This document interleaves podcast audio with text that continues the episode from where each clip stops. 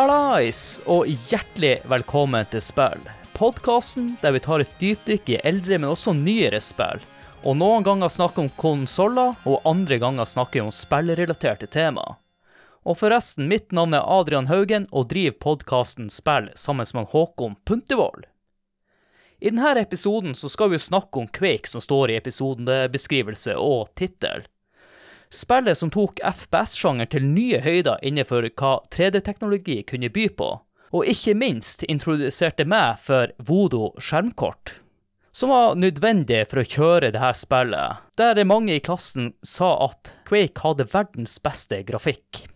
Og på denne tida så var det jo verken jeg eller mine nærmeste venner hadde tilgang til en ordentlig gaming-PC, men det var noen som hadde storebrødre, og de ga oss muligheten til å teste ut Quake. Men vi fikk ikke spilt det så mye, og derfor har vi i denne episoden henta inn gjester som tilhører denne storebrødregenerasjonen. Men aller først så vil jeg ønske deg, Håkon, velkommen, og jeg er interessert i å høre de historier rundt Quake. Hei! Eller hallais. Hei, hei, hei. Ja, hallais. ja, skal, skal du høre min historie til Quake? Altså nå, nå snakker du om storebrødre, ikke sant? Og, og jeg er jo yngre enn deg igjen. Jeg var jo egentlig sånn Doom-gutt, men eh, altså, jeg har jo noe forhold til Quake. Det er jo Quake GX, for eksempel, som er en port som kom ut på Wii, så når jeg softmodda min Wii, så spilte jo jeg Quake der. Uh, og så er det jo selvfølgelig et spill som har vært der i alle år. Quake har liksom alltid vært sånn Det har alltid vært der, men som du sier, uh, det er storebrødrene som, som spilte det. Det var alltid en, en som var en storebror som sa Hæ, spiller du Doom? Eller spiller du Duke Nukem? Herregud, spiller du ikke Quake? Og så eh, har du jo liksom Ja, vi, vi, vi hørte jo eh, Jonas BSL si det i, i CS-episoden, at det var jo et sånn major hopp mellom ja, altså CS og, og Quake, da, og den Jeg kjente en del på det uh, sjøl. Jeg var jo veldig glad i fast-based spill, og Quake er jo absolutt fast-paced kontra CS16. Så mm. Ja, han BCL nevnte jo det, men jeg må nevne at eh, jeg spilte ikke så mye Quake 1 og Quake 2, men Quake 3 Arena var et veldig populært spill eh, rundt år 2000 og 2001 der. Og det som er litt morsomt, at eh, vi har jo alltid med gjester i podkasten her, og de to gjestene vi har med i dag, de var veldig aktive i multiplayer-miljøet på 90-tallet, og kanskje også på 2000-tallet, så vi skal uansett bli bedre kjent med dem. Skal vi bare introdusere det der med en gang? Like greit. Ja, jeg tror det er på tide å introdusere gjestene. ja, vi, vi gjør det. Den første som vi introduserer da, er med da fra tidligere Spellbreak-episoden, hvor vi snakka om LAN-party før i tida. Det var egentlig like etter innspilling, så sa han det at hvis vi skulle ha en episode om Quake, så ville han veldig gjerne være med. Så ja, da måtte vi bare få han invitert, og like før innspilling så slo han alt lyset i rommet for å havne i real Quake-stemning. Velkommen tilbake, Martin Gjesdal. Takk, takk. Veldig kjekt å være her. Ikke bare skrudde jeg av lyset, men jeg hørte på Quake-musikken i bilen på vei til innspilling òg, faktisk. Så jeg, eh, jeg skal holde til å være klar, ganske klar nå. Ja, ja, ja nydelig.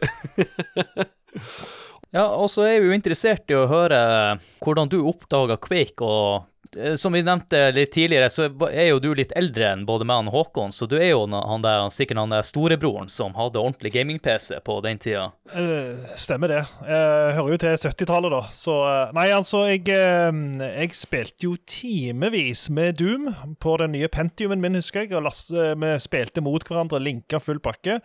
Og så begynte det ryktene om spillet å komme, og når jeg lasta ned denne her Quake Alpha-versjonen, så var det helt solgt. Jeg bare satt og gleda meg. Jeg husker jeg bare spant rundt disse her forskjellige våpnene og sånt, så ikke lenger var sprites, men ekte polygon 3D. Det var helt, helt amazing. Og fra der av så var det bare um, sky's the limit, altså. Quake var alt. Ja, det var et stort Nice. sprang i Quake, og det er jo det vi har lyst til å fortelle i denne episoden her også, for eh, i hvert fall de som er kanskje litt yngre oss igjen, og kanskje på vår generasjon, hvor banebrytende Quake egentlig er. Men det skal jeg fortelle dere og lytterne litt senere. Men uh, Håkon, vi har jo en til gjest. Det har vi. Og altså, vi fant ut at vi må jo være eh, fire personer i denne episoden. Og da spurte vi faktisk Martin om ha, har du noen tips her. Og da sa han at denne karen her Han er bare nøyd til å være med, og har også da hatt en stor del innenfor den norske Quake-scenen. Det er Kjell Omdal Eriksen. Velkommen. Tusen takk. Hallo, hallo. Hallo? jeg sa jo eh, stor del av den norske scenen, eller Quake-scenen, så eh, ja, ganske aktiv på Quake, og sikkert noen kjære minner, tenker jeg. Ja, altså, jeg var jo aktiv fra det omtrent var begynte, august 96, til eh, Og strengt tatt har vi aldri stoppet. Det har bare blitt en sakte, sakte Ja. død og inn i andre spill. Men eh, holdt på det siste aktive delen var jo 99, og så var det jo, hadde jo et siste sånn eh, Quake-land i 2003. Men det kan vi komme tilbake til. Ja, det blir jo interessant å høre litt mer om denne multiplayer- og online-delen eh, litt senere i episoden. Men før den tid så har jeg lyst til å fortelle dere og lytterne eh, hvordan Quake ble til. Aha.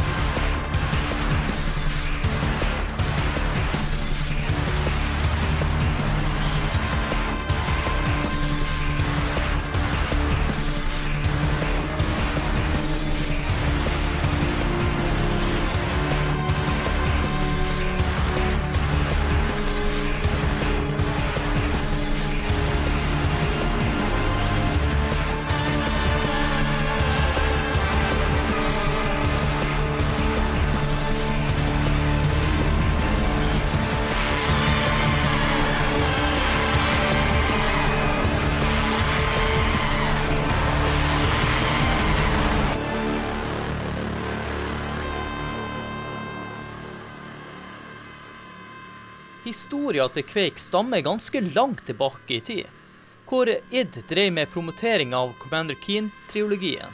Og der annonserte de at de jobba med et prosjekt kalt The Fight for Justice, som skulle være en vri på et fantasy-rollespill. Der skulle du spille som karakteren Quake, hvor id beskriver Quake som den sterkeste og farligste personen på kontinentet. Og i 1991 så startet de å jobbe med en prototype av The Fight for Justice, men jeg konkluderte raskt med at prosjektet var for ambisiøst med tanke på dagtidens teknologi. Det skulle gå noen år, og etter utgivelsen av Doom 2 så hadde id bygges opp en enorm sjøltillit. Og hele gjengen hadde stor tro på at neste prosjekt, kalt Quake, ville overgå de tidligere Doom-spillene. Og lite visste de da hvor utfordrende denne utviklinga ville komme til å bli. Id hadde jo de siste årene vært pionerer innenfor å utvikle ny teknologi og løsninger når det gjaldt 3D-spill. Og fortsatt på dette tidspunktet så hadde ikke 3D-skytespill fått betegnelsen FPS. Han, eh, John Carmack følte at de var nå endelig klar til å pushe 3D-teknologien et hakk videre, og derfor ønska han å utvikle en ny utviklingsmotor som fikk navnet Quake Engine, etter spillprosjektets navn. Med den nye utviklingsmotoren vil de nå kunne gå bort ifra prerendra sprites og nå skape 3D-polygonmodeller. Og de vil også kunne lage prerendra lightmaps og levels i 3D, hvor Doom var i 2,5D og ga det illusjon av at spillet var i full 3D. Imens arbeidet pågikk på Quake Engine, så jobba John Romero med level creator-programmet QuakeEd, hvor han benytta dette verktøyet til å teste ut level-design-løsninger. QuakeEd ville gjøre det mulig for folk å programmere egne levels. Og det her ville vise seg å bli svært populær hos modderne etter hvert. I starten så var de bare fire personer. Det var Kevin Cloud, John Romero og Adrian og John Carmack. Så må jeg presisere at han, eh, Adrian og John Carmack er ikke i slekt. De måtte jo selvfølgelig etter hvert hente inn flere personer til prosjektet, og noen av de her var Sandy Peterson, Dave Taylor og American McGee. Og de her var ikke helt uerfarne, siden de hadde jobba med tidligere id-spill. Og totalt så var de hele ni personer som jobba på Quake. Prosjektets store verkebyll var selve konseptet. For teamet måtte stadig forkaste og endre ting som var en direkte årsak pga. arbeidet med Quake Engine pågikk samtidig. Og det skjedde veldig ofte at levels måtte scrappes fordi skriptingspråket hadde blitt endra på hele tida. Id innså jo etter hvert at de kunne ikke holde på sånn her lenger, så de stoppa designarbeidet for å rette all fokus på å ferdigstille grafikkmotoren. Og det her brukte de hele ett år på. Det var ett stort problem når de skulle gjenoppta designarbeidet. Det jo at alle fem som hadde ansvar for denne biten, var nå drittlei hele prosjektet. Og samtlige slet med å komme opp med nye ideer, og ønska rett og slett bare å bli ferdig med hele greia. Og på dette stadiet så var det også stor splid i designteamet for hvordan retning spillet skulle ta. Han, eh, John Romero han ønska å endre konseptet og følge i fotsporene til de originale Quake-ideene tidlig på 90-tallet. Og han, eh, Romero likte heller ikke at hovedfokuset var på teknologi, noe som gikk ut over level design, og at det ble nedprioritert. Og den andre motpolen her var en American McGee, som støtta et enklere konsept og ønska å følge fotsporene til Doom og våpentyper som ble brukt i Doom-spillene. Han fikk også stor backing fra resten av teamet, noe som var en stor skuffelse for han Romero. Det ironiske her var jo at han McGee manns fikk gjennomslag for konseptet sitt, som en dag bare fordufta vekk fra prosjektet, og resten av id-teamet prøvde jo å få tak i han til ingen nytte. Og dermed var det faktisk han Romero som måtte overta McGees rolle og ferdigstille arbeidet, sammen med Willits de siste sju månedene av prosjektet. Den 27. februar i 1996 så gjorde id demoen Q-test tilgjengelig. Denne inneholdt kun multiplayer-funksjon med tilgang til tre maps. Og det mest spesielle var at publikum fikk et innsyn i filsystemet og modifikasjonsmulighetene til Quake Engine. Og dette resulterte jo i at skins ble laga og klar før spillets release. Noen måneder senere etter Q-test, 22.6.1996, dagen før Mario 64 ble sluppet ut, så ble Quake lastet opp på internett og gjort tilgjengelig for publikum gjennom shareware-ordninga. Og faktisk så hadde de prøvd å opplaste spillet noen dager før, men siden det var så stor pågang på alle som venta på releasen, så fikk de ikke lasta opp spillet som tiltenkt. Som dere sikkert har skjønt nå, så var Quake et veldig omfattende og krevende prosjekt.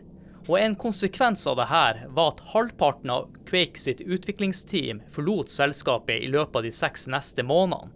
Blant disse personene så var det viktige folk som han John Romero, Mike Wilson og Sandy Peterson. Hvor sistnevnte fortalte i ettertid at mye av det her skyldtes manglende prosjektleder. Og han Peterson hadde foreslått seg sjøl i denne rollen overfor han John Carmack hvor han eh, Carmack rett og slett avviste det her forslaget. Før jeg avslutter det her nå, så må jeg bare nevne at Quake ble også i ettertid utgitt i flere versjoner, og det ble lagd noen porter av spillet. Og det her var et lite og kort utdrag av selve utviklingsprosessen. Så jeg er jo interessert nå i å høre med dere om, eh, om dere har noen kommentarer til det som har blitt fortalt. Jeg kjenner til det meste av dette, her, men uh, jeg leste, jeg har et lite innspill. er jo at uh, han John Carmack uh, kjørte jo dette prosjektet ganske hardt. Han, han, var jo cruncheren av de store crunchere. Han er, han, mens John Romero, da, som det var med tidligere, hadde jo gifta seg og ville ha et liv utenom. Så det var jo òg litt av spliden. Men John Carmack har i, har i ettertid sagt at han skulle ønske han delte spillet i to hvor det var en del som fokuserte på den multiplayer-delen, litt sånn Doom-lignende spill med multiplayer, og en del som var alle disse teknologiske eh, 3D-nyvinningene. For prosjektet ble for stort sånn når han har sett tilbake på det ettertid. Så dette var, dette var et ganske eh, slitsomt prosjekt, tror jeg, eh, for de som holdt på med det. Mm. Og Det som også er interessant der med John Carmack, er jo at han ville heller ikke ansette flere personer. Og det her var jo også en, en tid der, eh, som jeg nevnte, var ni stykker som jobba med spillet. Men det er også mm. ei tid der teknologien utvikler seg ganske raskt. Så mange andre spill hadde jo utviklingsteam som begynte å nærme seg nesten 50 personer. Og vi kan jo trygt si at de var altfor lite folk på prosjektet, som medfører crunchinga og den harde stilen til John Carmack for å få ting ferdig. Nei, altså, jeg, jeg sitter jo altså ett år med jobbing på den derre eh, grafikkmotoren, og så ja, fem stykk som uh, jobber med design, og så var de drittlei av hele prosjektet. Jeg kan jo skjønne det på mange måter. For det var jo også Altså, du sa jo Mario 64, bare for å ta det, eller sette det opp, da. Altså, se hvor mange som jobber på det spillet, kontra Altså, her Ni personer! Det er ganske lite. Til, altså, til, til, den tida der å være, så ja. Og, og, prosjektet hadde ikke noen spesiell retning heller. men Det hadde ikke Doom heller, men der var de mer heldige og traff på ting. Mens her var de litt mm. mer uheldige. Og dette var jo veldig John Carmack programmeringsdrevet. De sa jo hele tida Han ene, han Mike Wilson, eller NLC, han gikk jo ut og sa at uh, historien det er det siste vi hiver på på slutten. Det er mye viktigere å ha en bra motor og alt det der greiene der. Eh, Så da får du den der eh, Men jeg har, bare, jeg, har, jeg har funnet et sitat av Tim Willits som forklarer dette her veldig godt. Og det var A bunch of guys making cool stuff that eventually turned out to be an amazing game that came out at the right time and changed the world. Så det er liksom litt sånn tilfeldighetenes spill, dette her. Men det var John Carmack som, som, var, som sto sentralt i dette her, og, og pusha dette her teknologiske greiene. Det var det som egentlig utsatte hele prosjektet, og gjør at det føles litt kanskje konseptløst av og til. Og en annen ting som er litt eh, eh, spesielt, er jo at eh, det Quake-navnet, de sliter med å få rettighetene til det. På et stadie så ble jo prosjektet referert til Time Quake. Og årsaken til dette var jo at det var et tysk eh, selskap som hadde rettighetene til flere varianter av det her navnet. Men eh, på en eller annen måte så klarte Idda å overtale dem til å få rettigheter til navnet, og eh, de betalte ikke penger for det, som jeg synes også er ganske utrolig. Jeg synes Quake, Quake også har verdens kuleste logo. Den kuen der er, er noe av det vakreste jeg vet om. av ting som er sånn spillcover og sånt. Men dere vet hvor Quake-navnet stammer ifra, da? Dungeons and Dragons, eh, vil jeg anta. Ja, det stemmer. For det, jeg har gjort litt research og har hørt historier om at eh, noen sier at det var han, eh, John Carmack sin DND-karakter, og andre sier at det er John Romero sin DND-karakter. Eh, Dette, sånn som jeg forsto det, så er det John Carmack som drev hele de eh, Dungeons and Han er jo litt sånn semi-autist. Han drev alle disse Dungeons and Dragons-sesjonene, og både Quake og det navnet, spillet som John Romero ga ut senere, som heter Daikatana, er ting som er henta fra John Carmack sin Dungeons and Dragons-verden. Det er vel egentlig noe jeg har hørt før, faktisk. Litt sånn som, som, som, en- som en fun fact, men det er vel typ sånn en quiz, eller hva nå enn. Ja, og så bare si, John Carmack og John Romero var veldig forskjellige typer. Uh, John Romero ville jo, De skrev jo at uh, John Romero ville bygge et imperie, mens uh, John Carmack bare ville programmere. Det sier veldig Mm. mye om forskjellen på de to. Og når de funka sammen, Ja. så var det dynamitt, altså. Eh, Mm. Mens eh, de, de, de sklei jo fra hverandre, dessverre. De er jo veldig gode venner nå. Jeg har sett sånne podkast eller sånne videoer på YouTube der de er på intervju sammen, og sånt, så det er gode toner nå. Men, men Mm. eh, det var dårlig, dårlig stemning der på eh, slutten av 96, når prosjektet var ferdig. Ja, for det, det jeg ikke nevnte, det er jo også at det her, eh, han John Carmack han endra jo på skriftspråk og sånn, og så tror jeg en gang i prosjektet så hadde han lagt inn noe sånn Aztec-strukturer i spillmotoren, og da måtte jo de prøve å lage noe ut ifra det, da. Hvor han en dag bare scrappa alt av Aztec-greiene, så måtte han starte helt på nytt igjen. Man glemmer jo av at han, John Romero jo også er en programmerer. Han hadde vel, eh, litt som du sier, Martin, han hadde fokus på noe helt annet. Og vi blir jo snakke om det nå snart, det her. Jeg, jeg synes jo Quake har et utrolig rart design. Sånn, eh, fiender er virkelig malplassert, og eh, man skjønner ikke helt hva er det som foregår her. Og det, det har du nettopp forklart hvorfor. Eh, nettopp for den prosessen var all over the place. Det er en der også jeg vil bygge ut av denne historien du har fortalt nå. At det er sånn som, det er, altså Quake er et spill som bare Det har, som jeg nevnte tidligere, det har alltid bare vært der. Det har alltid vært noe med spillet. Det er eh, Og om at det er en sånn tilfeldighet, som vi også snakker om i CS-episoden, med at det bare, bare spillet det bare traff. Det var bare sånn perfect moment. Men det, det er bare noe med Quake som er så forbanna sjarmerende. Selv om at jeg ikke har de sterkeste barndomsminner eller sånn tilknyttet til det, men det har alltid vært der. Og mye av grunnen er egentlig tilknyttet i de historien du leste opp nå. Det er en Så- ting du er ganske kjent med, Håkon, det er kontrolloppsettet. For her var Quake, eh, som jeg har skjønt, førstemann ut med å bruke eh, mus til å sikte med, og så brukte du eh, WASD til å bevege karakteren. Og det som er litt morsomt her, at i starten så fikk de utrolig mye kritikk fra publikum for det her kontrolloppsettet. For tidligere i Doom så brukte du piltastene å gå med, og så om det var space å skyte, eller kontroll å skyte med, og space å åpne dører. Nå brukte de jo space til å kunne hoppe, som også var nytt. Jeg Bare si det, altså. Det, eh, Quake kom jo default med det gamle Doom-oppsettet. Eh, så det å sette det opp med mus og sånt, det var noe som utvikla seg gradvis. Jeg vet jo at de på id satt okay. og spilte Doom med mus, eh, men, eh, men det var i Quake at dette oppsettet på en måte ble sementert og ble en måte å spille på. Og Litt av grunnen var jo at du nå kunne se opp og ned, og du kunne ha fiender under deg i tillegg. og Det var jo bare helt sånn liksom, det, Det var litt- helt sykt. Det er så morsomt å høre det, det er banebrytende. Hei, hei, du kan se, hei, du kan se de opp og ned. What?! Jo, men bare, bare tenk på det. I Doom, Men ja. Når du sa, Grunnen til at det er automap i Doom, er jo for at alt er lagt ovenfra og ned. Det er ingen plass du kan gå unna der du har gått. Så alt er på en Mm. måte på, på samme Selv om det er høyde, høydeforskjeller, så kan du aldri gå unna noen plass.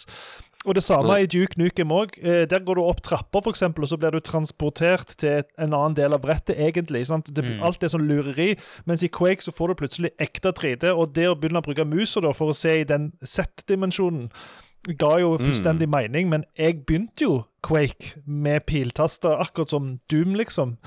Eh, og så Ja. traff jeg på noen folk som ikke gjorde det, og, og som bare gruste meg. Så bare, Shit, hva er det de holder på med den musa for?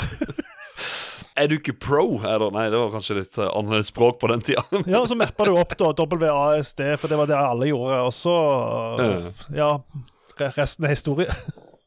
ja, ja, ja. En artig ting også med det her prosjektet, det er jo at uh, siste dagen, som jeg nevnte, at han, John Romero forsvant jo etter det her. Men han var den siste mann som jobba med det prosjektet. Han satt alene den dagen de eh, ga det ut. Og han er jo kreditert på veldig mange av brettene som level-designer.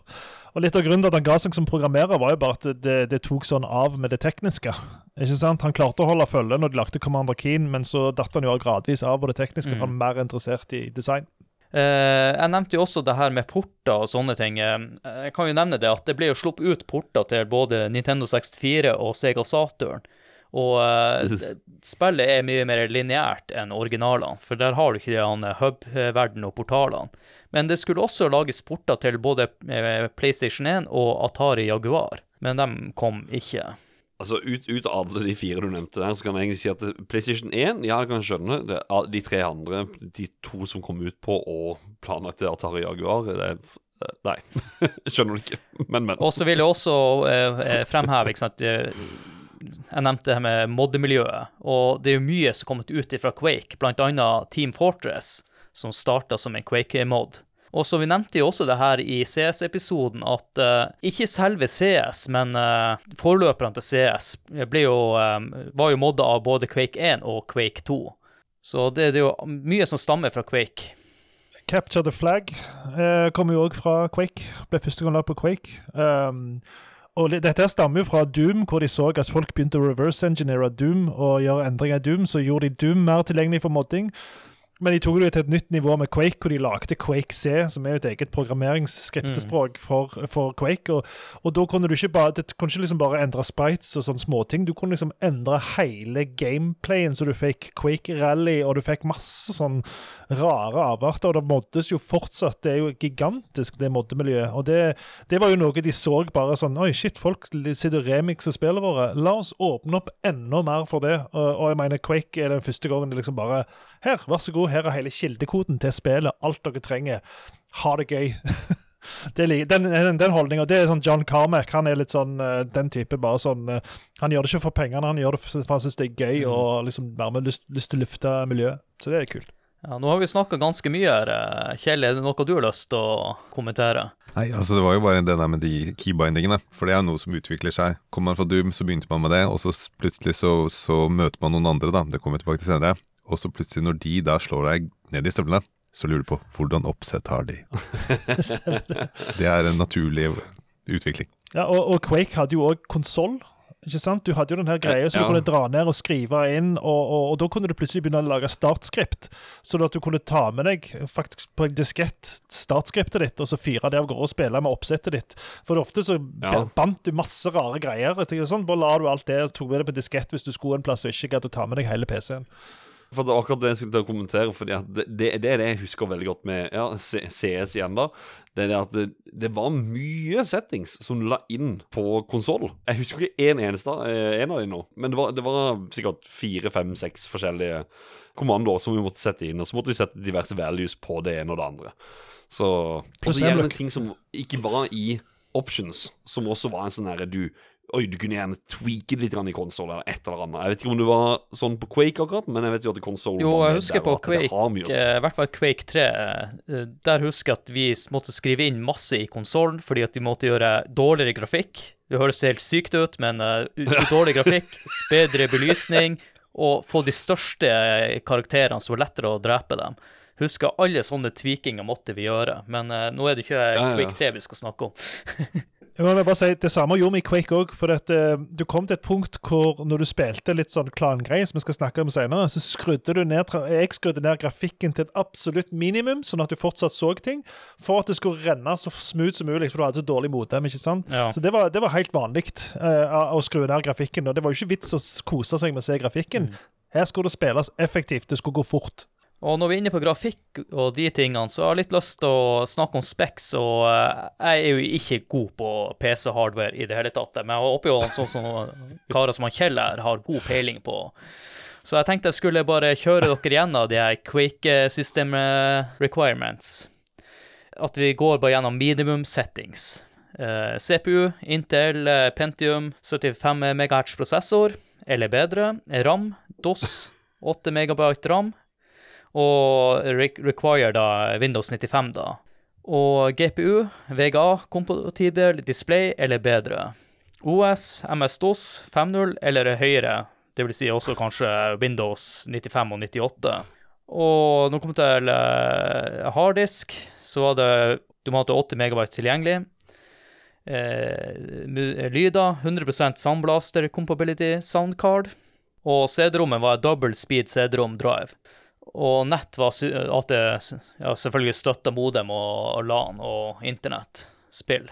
Jeg, jeg bare til tilføye her at Det er ikke meningen altså at, at jeg ler når, når du leser opp dette. Det er ikke at måten du leser på, det er heller det du leser altså, av requirements. Dette her, her er minimum. Og bare at vi har sittet og snakka så positivt bra nå i en stund om et spill, og så er det, det er så lite. 80 megabyte stort, og Windows 95 og Ja, ja, ja. Det er liksom sånn derre Ja.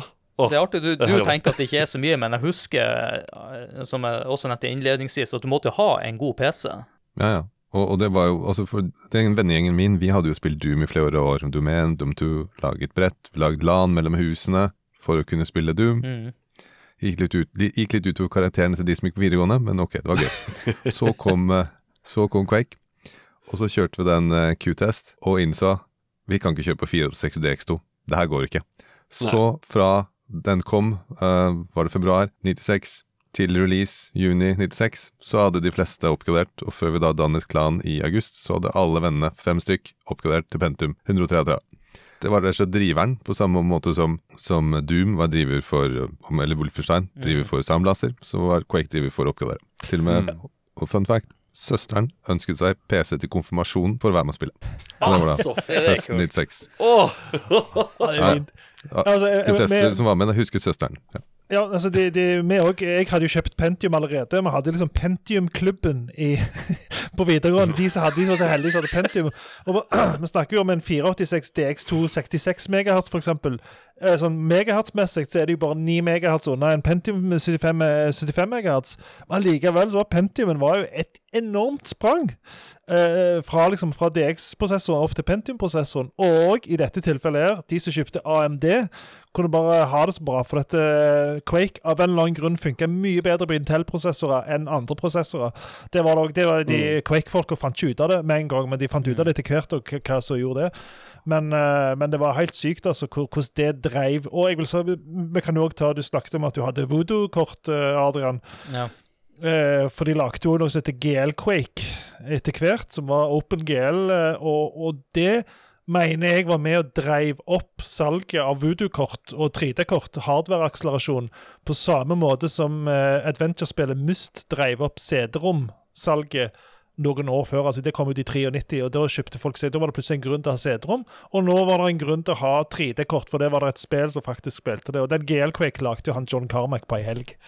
Det som er interessant her, er jo at, eh, sant, alle vil ha nye PC-er. Jeg lurer på, hvis dere gikk på videregående sånn, hvordan i all verden fikk dere tak i de pengene på så kort tid? Det lurer jeg på.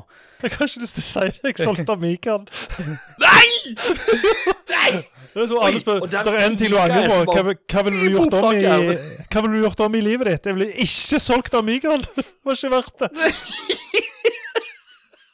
Vi var litt enklere karer, vi i Asker. Vi gikk med avisa. Ei, se, se der, se der. Ja.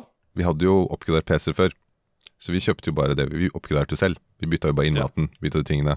Faren min eh, hadde et lite IT-firma, så vi fikk jo kjøpt gjennom der. Og, Ja, så da var det avispenger og bygge, bygge, bytte inn mat og sette opp. Så herlig. Så Quake er i oss et ganske dyrt spill, med tanke på det innkjøpet du måtte gjøre for å kunne spille det spillet. Si, det, det var han John Carmack sitt største innsigelse mot dette prosjektet òg, at de var for tidlig ute med for hardcore krav. Altså Han sa han det var for få som hadde øh, maskinvaren til å kjøre spillet øh, så, sånn som det var lagt opp. Så han, Det var derfor han ville at de skulle ha de skulle delt spillet i to og vente litt lenger med det, for det, det, det var så tungt drivende. Det ble sånn klasseskille nesten på hvem som Mm. kunne ha Quake og ikke i en periode der, da. Ja, men på andre sida så var jo dem å, da, å pushe grenser for det som kommer etterpå. Det blir jo et hopp i PC-spill. Ja, og Det er ikke sikkert de grensene hadde blitt pusha like hardt så tidlig hvis ikke. Så uh, ikke godt å si. Og så må vi takke norske myndigheter. For et par var det 97, så kom det i hvert fall noe som gjorde at hjemme-PC via jobben var noe som ble. Så da var det mange barn som eh, sørget for mor og far takket ja til det tilbudet om å få en Pentum 75 eller 103 eller hva det var gjennom en jobbordning. Å ja. Ja, og da betalte du betalte ned over en treårsperiode, f.eks.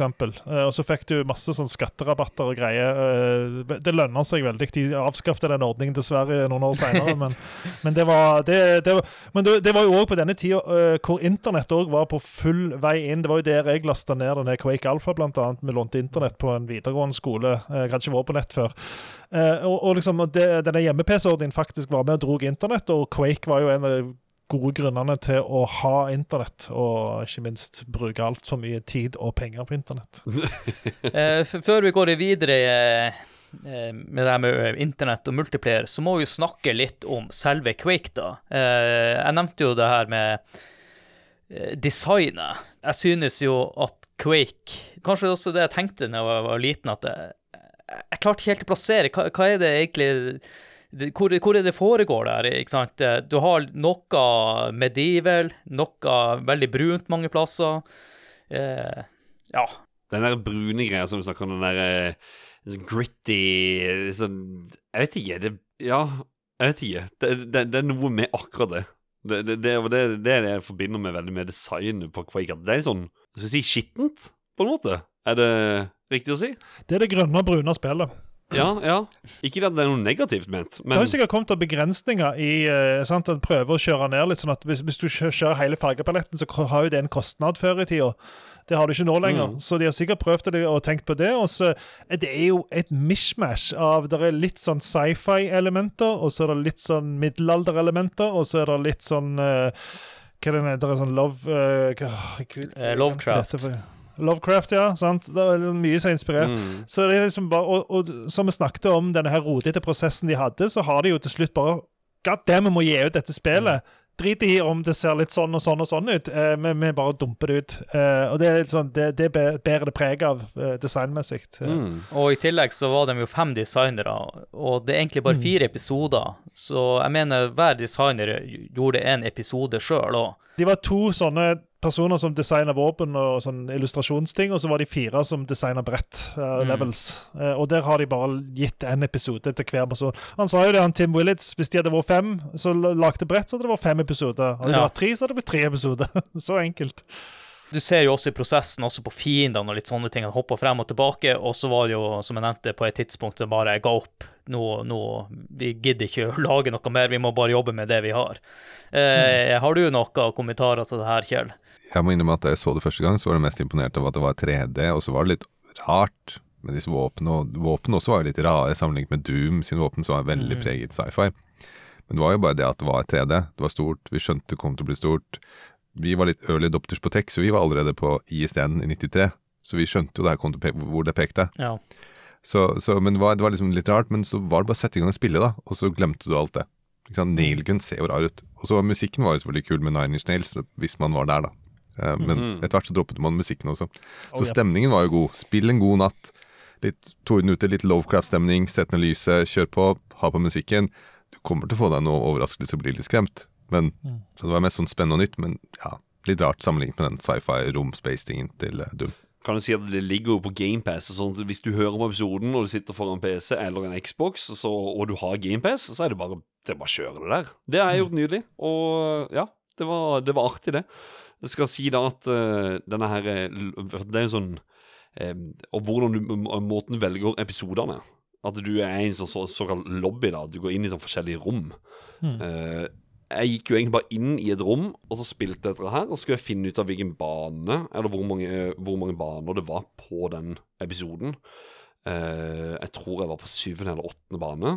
Søker opp på nett, og så finner jeg ut at å ja, jeg har faktisk gått inn på Map Pack, eller eh, Mission Pack 2.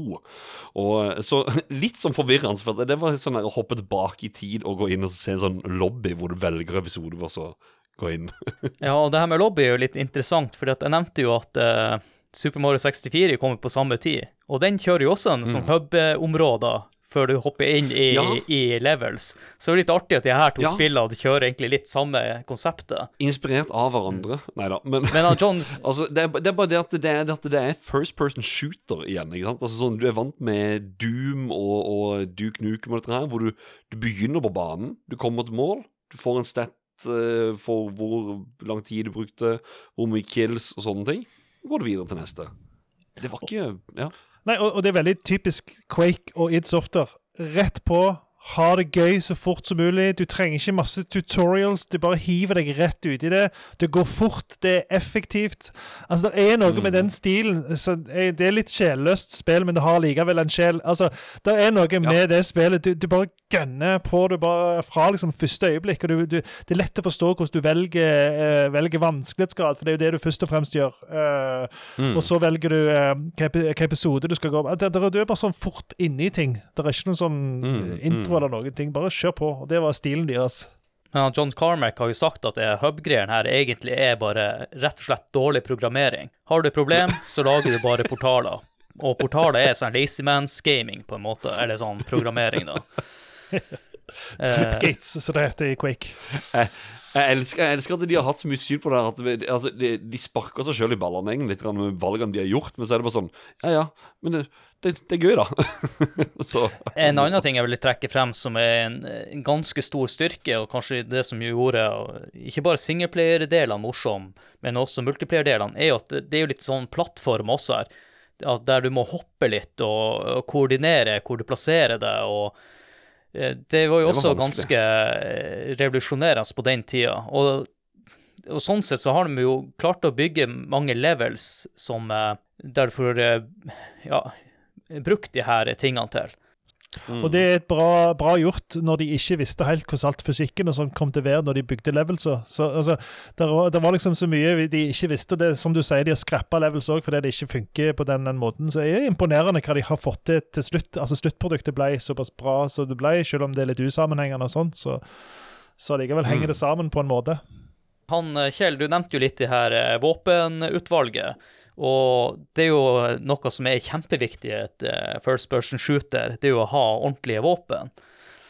Eh, har du lyst til frem noen våpen som eh, Ja, altså det var jo Altså hva som Så du kan si at når man først kom inn i spillet, så er det spennende hva slags våpen er det her. Første gang du laster opp, du setter inn, du går gjennom, og da er det en progresjon i hva du får tilgang til.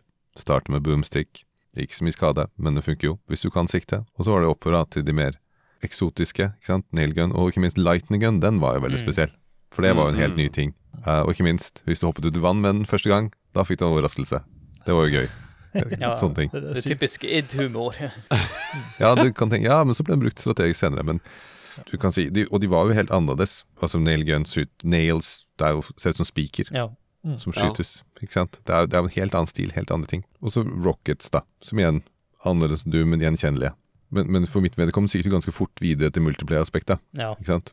Eh, I motsetning til Martin satt ikke jeg så mye og gikk gjennom ekstra pakker og sånne ting. Og gjorde det. Spilte gjennom for å kunne brettene, kunne våpnene, og så var jeg fanget av eh, det multiplayer-opplevelsen. Som vi kommer tilbake til. Mm. Jeg må nevne det her med, med hagla, da. Det var egentlig bevisst valg å ha det som hoved, eller sånn førstevåpen, hvor i Doom hadde jo pistolen. Og det var jo det her med innføring av mus, siden det har en eh, bredere treffsikkerhet, da. Sånn at eh, nybegynnere skulle føle at de mestra litt, i hvert fall i starten, og lære seg å, å sikte med et våpen som sprer litt mer. Og jeg tror også de fant ut at pistolen den hadde egentlig ikke så mye for seg. Altså, jeg, jeg vil jo gjerne trekke fram eh, spesielt denne her uh, herligheten Lightning Hva den heter den? Hva den Thunderbolt. egentlig heter Thunderbolt. Thunderbolt. Ja, Mm. eh, fordi det er jo liksom det første sånn veldig sånn high accuracy-våpenet. Jeg husker det var noen av de i klanmiljøet, som håndterte den sinnssykt bra. Eh, Sektorpod, blant annet. Eh, hvor de, liksom, de, de ble så flinke på det våpenet at det, det var juks hvis de hadde det på et eller annet brett de hadde grei ping. Eh, ja, men altså, og, og, og våpenet er All kritikk til id våpenet er jækla dårlig balansert på multiplayer. På, på singleplayer så gir alt mening. Multiplayer så har du rocket launcher, sorry Mac, da, da, og de andre ikke har det, da, da er løpet kjørt. Det våpenet er så Mm. overpowered at, eh, de andre, våpen- at det, det er nesten litt juks, med mindre du har denne her eh, Thunderbolten. Eh, og så syns jeg at grenade launcheren er veldig interessant, fordi det kødder med fysikken på en helt ny måte. Og, og der er, er spesielt på singleplayer-bretter så er det mye må kule måter du kan bruke eh, granaten på. Det blir en helt annen dynamikk i spillet, men på multiplayer så er det dårlig balansert, rett og slett. Ja, den her granatkasteren, det var jo også revolusjonerende her at uh, før i tida, når de brukte granatkaster, som en gang de traff noe, så sprengtes det, men her spretter de litt på bakken, og, og det, det var jo også en sånn uh, revolusjonerende ting. Uh, og så må vi ikke glemme at rocket launcheren, det er så spesielt her at den gjør jo ikke så sinnssykt mye skade. Noe som gjør at du kan bruke den til å booste hoppene dine, som den berømte rocket jumpen, som uh, nok blir nevnt litt senere når vi skal snakke om multiplayer, for det, jeg husker når, når jeg spilte mye Quake 3, at det ble brukt hele tida. En veldig spesiell ting med rocket launcher og er jo at hvis du har high ground, så skyter du, sikter du på bakken rundt folk. Det er jo det som er den store key. Du tre trenger ikke treffe rett på dem. Hvis du er litt oppfor dem, så du, skyter du i bakken. Så hvis du ser to multiplayer-spillere som har peiling, så, så går sirkler rundt hverandre, så skyter de ikke på hverandre, de skyter du i bakken for å gjøre, gjøre skade, noen som helst skade, hvis de ikke treffer. To ting. Den boomsticken var jo da kanskje bedre, og det sånn sett var bare flaks. Fordi hvis du har flere stykker, så kunne du gange opp på en. Så hvis du var fire stykker, så kunne du ta boomsticken. Det var mye bedre enn pistol, du har helt rett. Da kunne man faktisk ta ut en med rakett, hvis man gikk sammen. Og du sa med kontroll, Martin. Ja ja, men har du ikke vært utsatt for det at noen spretter opp i luften med rakett, og så treffer deg opp i luften igjen? Der snakker ja. fysikk. Yes. Eller at andre kaster granater på deg som treffer deg opp i lufta. Så du blir spredt opp, og så får du granater. Det var mye moro med fysikken. Det skal de ha, altså. Det, var, det måtte utforskes. Det var en egen dimensjon, helt annet enn Dum. Altså fysikken, hva du kunne gjøre, hva som skjedde. Det ble utviklet ganske mye der. Altså bare Motoren var sånn, så måtte folk finne ut av den. Alt var jo ikke designet, det var ikke intensjonen. Det bare var sånn, og så måtte du finne ut. Jeg vil bare si, De måtte skru på noclip i taket på Quake 2, for, det, for folk rock, eh, rocketjumpa jo opp eh, på singleplayer-brett òg. Det, det var ikke noe som stoppet deg i taket, for det var ikke beregna at du skulle hoppe så høyt. Så på Quake 2 så måtte de sette på noclip i taket. Jeg vil jo bare også nevne at du har jo øks også her, eh, som du kan bruke i spillet. Men opprinnelig så hadde de jo en sånn der hammer i stedet for. For i det originale Quake, som var planlagt på begynnelsen av 90-tallet, så skulle de ha en sånn der hammer som våpen. Og de bytta vel over til en økse til rett før release, eller noe sånt, så den var ganske lenge i spillet før de tok den bort. Ja, jeg syns jo øksa er forglemmelige i forhold til motorsag og kubein. Og, altså, Ja, ja. jeg bare, det bare, jeg Glem det. Uh, sorry. Det er kjedelige. Det er én ting de ikke har glemt, men det er en ting som er blitt glemt og blitt nevnt. Men det er et, men, altså det er et våpen som bare må inn her når du har en hagle. Det er toløpshagla. Og så er det verdt å nevne dette her med quad damage. Det var også litt på designet, når du fikk den her eh, Ja, som du snakka om eller tidligere, da, Martin, med altså, en- den kuen, altså Quake-logoen. Ja. Når du da får den, så får du altså quad damage. Det ligger i to ord at du får fire ganger damage, og løper rundt da med do double barrel shotgun. Altså, Ja, det- hallo. El- altså, det, det, det, det er noe som bare snakker til meg. Med både det er der det er i Doom, det er alle spill som har en toløpshagle. Jeg Bare få det brukt, altså. Skulle ønske han hadde mer styrke sånn til vanlig, Ja. sånn at du kunne få mer balanse i våpnene på multiplayer. Eh, For på multiplayer så Ja. er det jo Ja, som sagt, hvis du ganger opp, da, det er én ting. Men hvis du er aleine, så ser er han useless. eh, Nesten. Altså. Men kan jeg spørre da, dere to som er sånn Altså dere som har spilt mye multiplayer, hva er liksom sett som Ok, de to beste våpnene, da? I, i, i, eh, blant våpen? Altså, de fleste gikk jo for Rocket, og så hadde du da noen som elsket Lightning Gun. Det var jo avhengig av brettet, var ikke alle brett den var på. Så det var jo en måte gå for Rocket, og så den var jo samme ammunisjon som Grenade Launcher, så tok Grenade som en sekundær ting, det var jo ikke det du ville ha. Og noen spesialiserte seg på, på Super Gun med quad igjen, men det var sekundært. Så det var Ja. veldig race for Rocket, Ja. og Lightning Guns for de som elsket det. Ja, og, og mange av levels dreide, drei- dreide seg om å kontrollere rocket launcher-området. Og så kunne quad Det spørs hvordan Og husk, dette var ikke designet inn i brettene nødvendigvis, så kanskje var koden samme sted, så du hadde sånn veldig mange ting du måtte forsvare, eller så lå koden et helt annet sted, så da ble det om å gjøre å ta den for å breake inn og ta over. Og da var jo til og med boomstick nyttig. Hvis du Ja. hadde noen noen som gikk foran og ofret seg, så kom du bak med en cold boomstick, så kunne du ta over rocketen. Det var mange sånne strategier.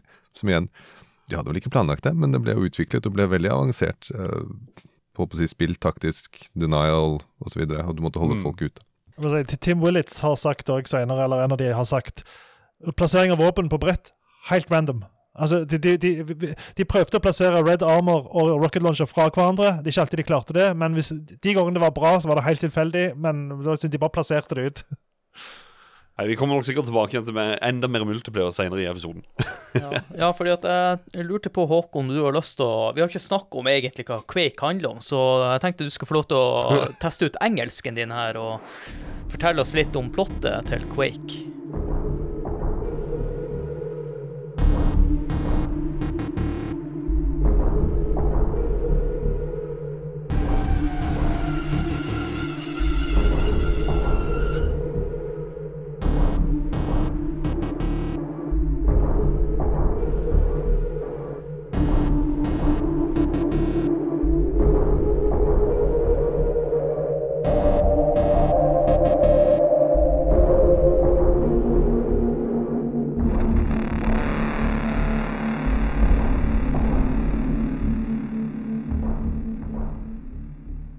Du sa jeg kunne øve meg på engelsken, men jeg, jeg tar det bare på norsk. For det er, det er jo rimelig tynne greier. Altså, det er jo at du Ja, det ble jo ikke eh, nevnt før i Quake 3 at eh, karakteren du spiller, som heter Ranger, det var der navnet kom, eh, reiser eh, i forskjellige dimensjoner for å stoppe en fiende som har kodenavnet Quake. Og det er i grunnen det. I en verden satt av ja, altså Dark Fantasy, Medieval, Lovecraft, som vi har nevnt tidligere. Og det er det som i grunnen det. Ja, men eh, jeg ser jo et quote, ikke sant, det står You are the best man. This Operation Ja. Counter-Strike. Legg merke til Operation Counter-Strike. Ja, ja. And you are in charge. Så du skal finne Quake og stoppe han.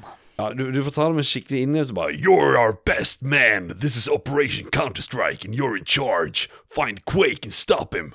Or it. You have full uh, autonomy to recreation. Anything you need. Uh, if the eggheads are right, all our lives are expendable.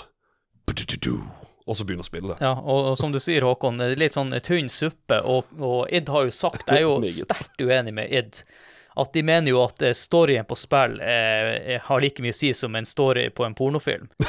Eh, jeg holdt holdt på å si like mye lang story på pornofilm, men jeg, jeg, i hvert fall, hvis det gjøres riktig, så jeg, synes jeg at storya har mye å si for et spill, i hvert fall for min eiendel.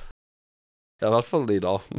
Men det, det er jo det som er dagens standard på dataspill, er jo å bygge det rundt en story og bygge det rundt et design. ikke sant? Mens på den tida så var det jo det var jo det tekniske som, som lå i bånn. Og, og en annen ting som er litt så artig med, med storyen, eh, er jo at eh, ikke på noe tidspunkt så der du dratt videre i storyen. Ikke på noe, du kan velge hvilken episode du vil starte med. Det er ingenting, det, det skifter ikke tempo eller skjer noe i spillet. Det er bare måke på med enemies. Det er end level, sånn end level boss på to av episodene, men ikke på to andre. Så det, det er bare helt, helt usammenhengende. Men, men, men det, det funker helt greit. Det er kjekt å spille gjennom. Men, men du, Ja. du, blir- du blir ikke eh, dratt inn i storyen og liksom bare klarer ikke å legge det fra deg pga. storyen. Det det er spillet. Ja, det er, det er level design som kanskje snakker mest eh, enn en, en historien. Så ja. Det som også må nevnes i spillet her, er, i forhold til Doom, er at du møter jo mye mindre fiender på de brettene, av at eh, brukte 3D-polygoner i stedet for sprites, som gjorde at eh, maskinen takla ikke å ha så mange fiender samtidig. Så du hadde ikke den crowd-kontrollen på samme måte som i Doom-spillene. ja, faktisk, når du sier det, ja. Så ja. Det, jeg, jeg tenkte sånn Nei, vent, det stemmer Men jo, herregud, det stemmer. For at Doom hadde jo etter hvert noen massive troops med zombier og alt.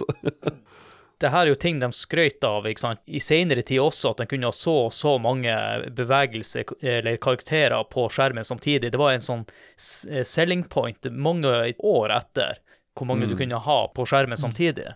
Det som er jo her, at vi nevnte jo litt tidligere i stad, at spillet har jo en helt mongo-tematikk. Man klarer ikke å sette fingeren på hva er det som foregår her, og det ser du jo også litt i, i fiendevariasjonene. For det er jo 15 forskjellige typer fiender, som egentlig er ganske mange forskjellige typer i forhold til Doom. Hvor du blant annet har jo Grunt, som eh, er sånn haglemann, som er sånn vanlig fiende, men så plutselig har du zombier, og så går du over til Knight, en ridder. Ja. Og så går det over til uh, Er det Oger som har chainsaw-arm, og det, det Hva er det som foregår her?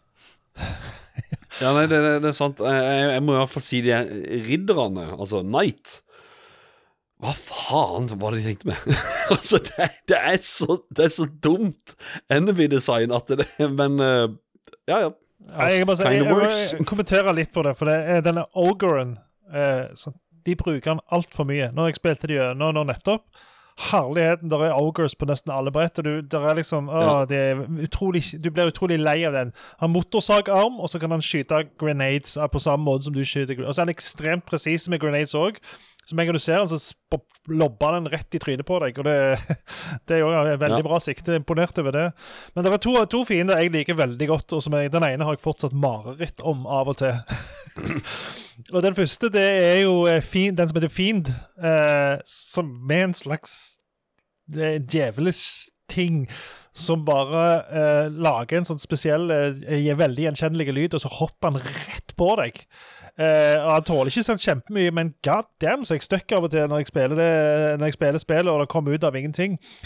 Men det er jo litt sånn repetitivt. De bruker det litt for ofte eh, til sånn surprise guy. Du kommer inn i et rom, og så ser du en sånn rød rustning stå midt i rommet. Og så er det svære vegger på sidene, så vet du at når du tar den, rør, den dingsen i midten, om det er en nøkkel eller en rustning, så går veggene ned, og så kommer det fiends og alt mulig monster ut.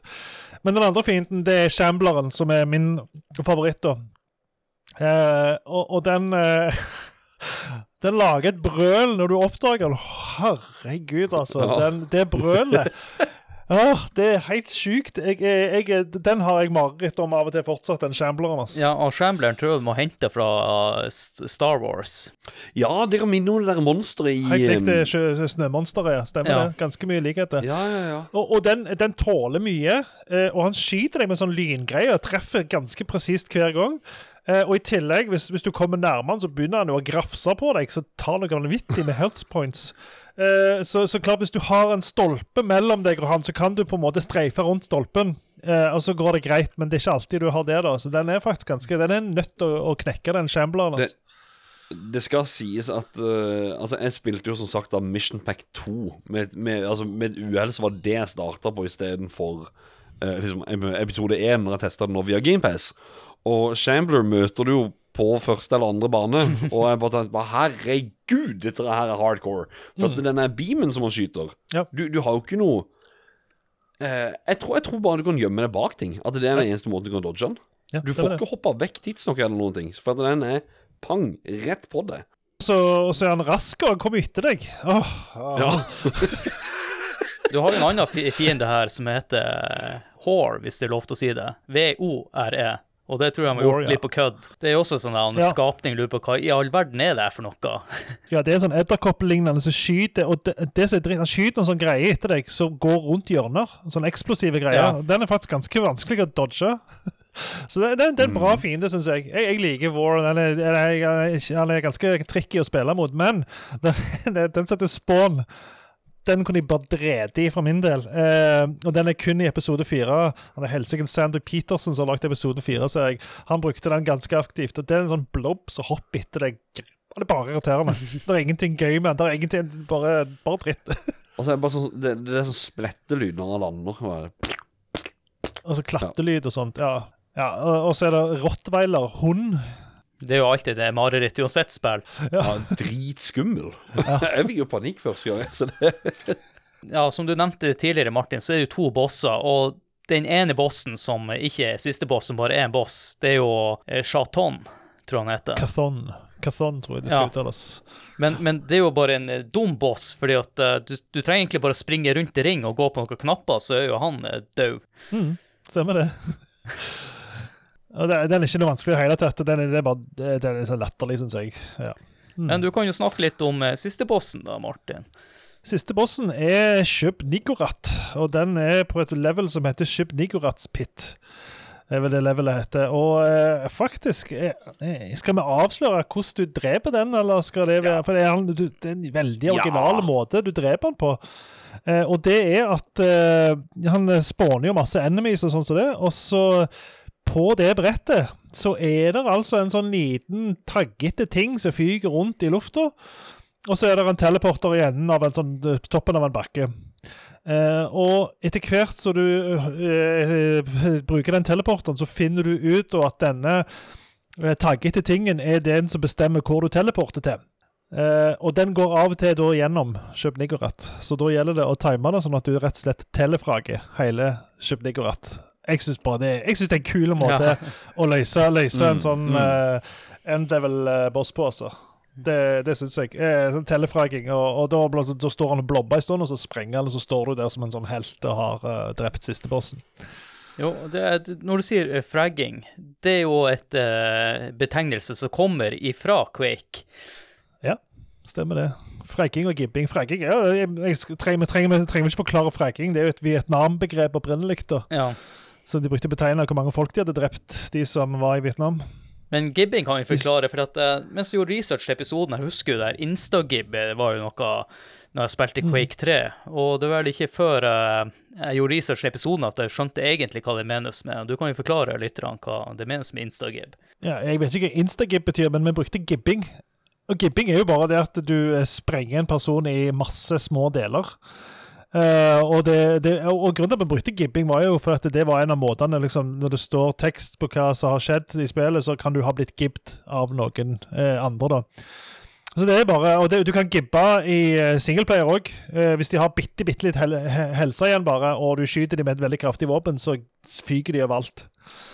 Eh, så det, så, og vi hadde jo vi ja, det var en spiller i den ene klanen som heter Mac Gibber. Jeg syns det var et veldig kult nikk. Ja, det er jo originalt og kult. Uh, Martin, før vi spilte inn episoden her, eh, når det kommer til singleplayer-delen, så hadde du også lyst til å snakke litt om eh, en expansions pack du har lyst til å trekke frem. Ja, og det er spesielt den som heter Scourge of Armagon, som jeg nettopp spilte på ny. Og det som er fint med Scourge of Armagon, eh, det er tre episoder med fem brett på hver. Den klarer på en måte å eh, Litt sånn som uh, når en lager sånn remakes seinere av uh, dårlige plott, f.eks. He-Man. Jeg holder på å se Mm. He-Man på Netflix for tida. Og de klarer på en måte å dra den gamle, bedritne He-Man-storyen, Lauren, inn på en ny måte, så ting henger sammen. De klarer på en måte, Det er en sånn tilgivende måte å gjøre det på. Og det har de klart med Scourge of Armagon òg. Det ble lagd av noe som heter Hypnotic, tror jeg. Og, og når de skulle lage Scourge of Armagon, så visste de hva designet var, de visste hva mulighetene var. De hadde på en måte hele oversikten. og Brett og levels er gode og stramme, og de henger fint sammen med plottet. Hvor du, hvor liksom, eh, du har ikke klart det likevel. Du må liksom reise til Hell Dimension for å liksom ødelegge masse. Det er en sånn hovedportal. Eh, og da reiser du gjennom et sånn, eh, sånn militært forskningsmiljø og sånn. Altså, plutselig så er det noe som minner om et moderne spill med at du blir som dratt gjennom, og hver episode slutter med en tekst, og, så, og du må ta den fra begynnelse til slutt. Så, så det er bare sånn Hvis noen sitter og tenker på jeg skal prøve singleplayer Quake, så eh, kjøp denne her eh, nye remaken av Betesta, og bare kjør rett på Scourge of Armagon fra begynnelsen. Så, så syns jeg det er faktisk en veldig god singleplayer-opplevelse. De har lagd en ny boss, de har lagd to-tre nye våpen. Så det er liksom litt uh, nye ting òg. Og, og, og så er det veldig gode, stramme Jeg liker brettdesignet veldig bra. For jeg tror det er litt òg fordi de visste hva de hadde med å gjøre. De visste hva Quake var. Og de hadde spesifikke tanker rundt designet, hva dette skulle være for noe. Konseptet. Så det, alt det funker jo nesten litt bedre enn eh, det der rotet de lagde i originalspillet. Ja, jeg, jeg føler jo at vi har jo kommet eh, litt til veis ende når det kommer til singelplayer-delen. Det er jo et eh, skytespill, og det er ikke så mye å snakke om eh, det som skjer i spillet. Jeg, jeg føler vi har gått gjennom det aller meste der nå. Det vi ikke snakker om, er jo musikken og det i spillet. Og her det det som er litt morsomt her, er jo at han John Carmack og han American McGee var veldig store fans av gruppa Nine Inch Nails. Og til deres store overraskelse da, var jo at gruppa var eh, fan av spillet Doom, hvor de spilte mye deathmatch eh, mot hverandre når de var ute på turné og sånn. Så de henvendte seg til id for at de ønska å bidra til soundtracket til Quake. Og hva vi synes det her samarbeidet Ja, ble det en suksess? Match made Ja. in heaven. Altså, dette er et fantastisk soundtrack. Og beskjeden eh, han, Det er han Trent Reznor, ikke hele Nine Inch Nails, men han Trent Reznor da, i Nine Inch Nails som har lagd det. Han fikk bare beskjeden at det skulle være mørkt, det skulle være sinister. altså det skulle, det skulle ikke være veldig høyt tempo på det. Det skulle være ekkelt. og Han fikk noe sånt, og han bare levert 100% på det. Jeg skulle bare ønske det var eh, på singleplayer-del at det var ett trekk per brett, men det er jo ti tracks, tror jeg, og de kjøres jo Hvert trekk har fått ett, og så er det, da er det hvert trekk har da finner du på fire eller fem brett. Mm, Så, så det er liksom repetitivt, men eh, altså, OK. eh, La oss ta sammenligning med Doom, da. Doom så er det litt sånn heavy metal hardrock-musikk som hele tida drar deg framover. Kom igjen, nå må du fortsette, nå må du gønne på. Mens Quake-musikken, den er jo sånn Shit! Nå ble jeg redd. Jeg vet ikke om jeg tårer. Og dette Nei. sammen med det de holder på med med skygger på noen av disse brettene, er liksom bare fucking hell. Jeg, var, jeg er hele tiden redd det skal komme en shambler. Men sant, og når du da har musikken sammen med dette her sinister miljøet Og Nine Inch Nails er jo litt som Quake, litt sånn mishmash av forskjellige sjangere. Det er litt sånn Det er et elektronisk preg på det, det er et rocka preg på det, og så er det saust sammen til noe du ikke helt klarer å beskrive. og Sånn er Quake òg, så jeg syns det, det, det er en perfekt match. Og Trent Reznor lagde òg lydeffektene, så det er han som er eh, har stemmen til han når du hopper i lavaen og der, ah, ah, greiene. Det er Trent Reznor. Jeg skal, jeg skal Apropos musikken, nå, nå kommer jeg til å snakke litt eh, Altså eh, post-production av, av podkasten som vi lager. Vi har alltid med musikk i episoden, ikke sant? Og jeg er veldig spent på hvilken musikk vi har valgt i denne episoden her. Fordi at det er, som du sier, det er så dyster musikk. Altså, det er nesten så jeg, jeg, Er det musikk, på en måte? Altså, det er, det er, det er så Jeg vet ikke. Det er en mind-twist av alt. Det jeg vil si, er jo at det her er jo også en slags forløper til spill som kom i ettertid. For at det her var jo første, kanskje en av de første eh, spillene som kom ut der de, de hadde litt sånn eh, stemningslyder og sånne ting. Sånn som nå til dags, så er det jo mange spill med stemningslyder og, og det her som går i bakgrunnen. Så uten at jeg har spilt alle FPS-er noensinne, så tror jeg også Quake her var eh, banebrytende.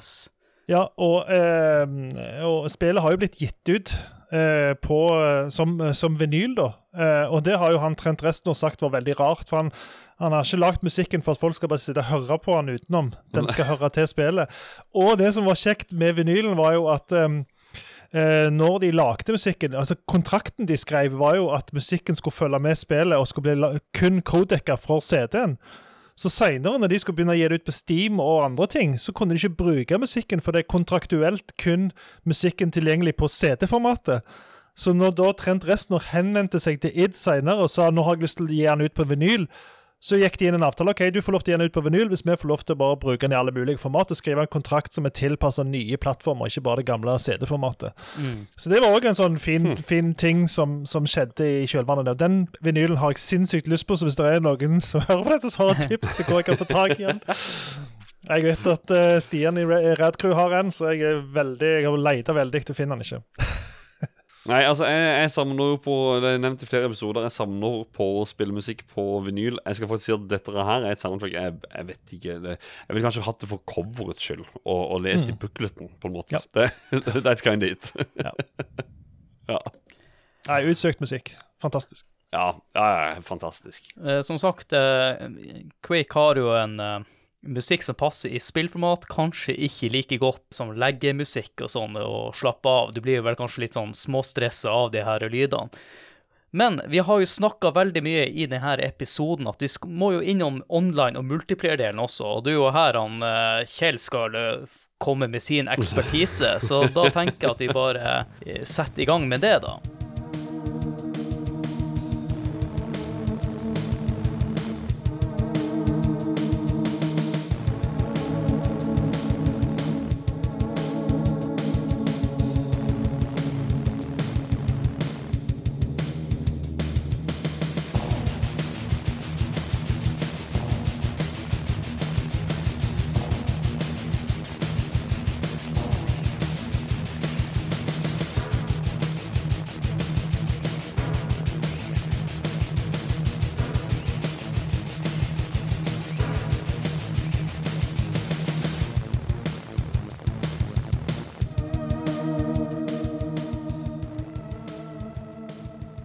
Som sagt eh, tidligere i episoden, så var jo id et av de her selskapene som bana vei for multiplayer.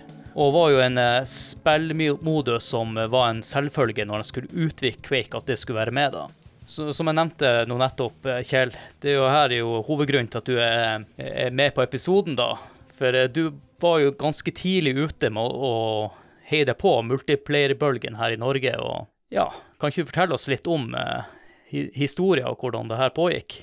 Ja, og gjerne. Og som jeg nevnte så vidt tidligere, um, så hadde jeg og de nærmeste vennene og nærmeste husene Vi hadde lagd LAN til Altså kablet nett mellom tre hus. På dette punktet, da, når vi kommer til august 96, så er det da fem PC-er kobla sammen. Så vi spilte jo mye.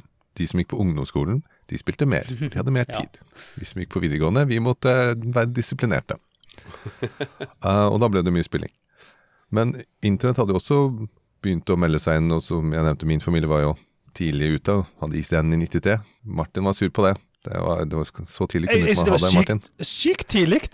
Altså, Jeg tror ikke folk vet hvor sykt tidlig det var med ISDN. Jo, Eh, Jeg, jeg, jeg tenkte på det tidligere, faktisk. Så ja, Da du nevnte årstallet og ISD-en, jeg bare Oi, det, det var tidlig. Ja, du kjørte om internett, da.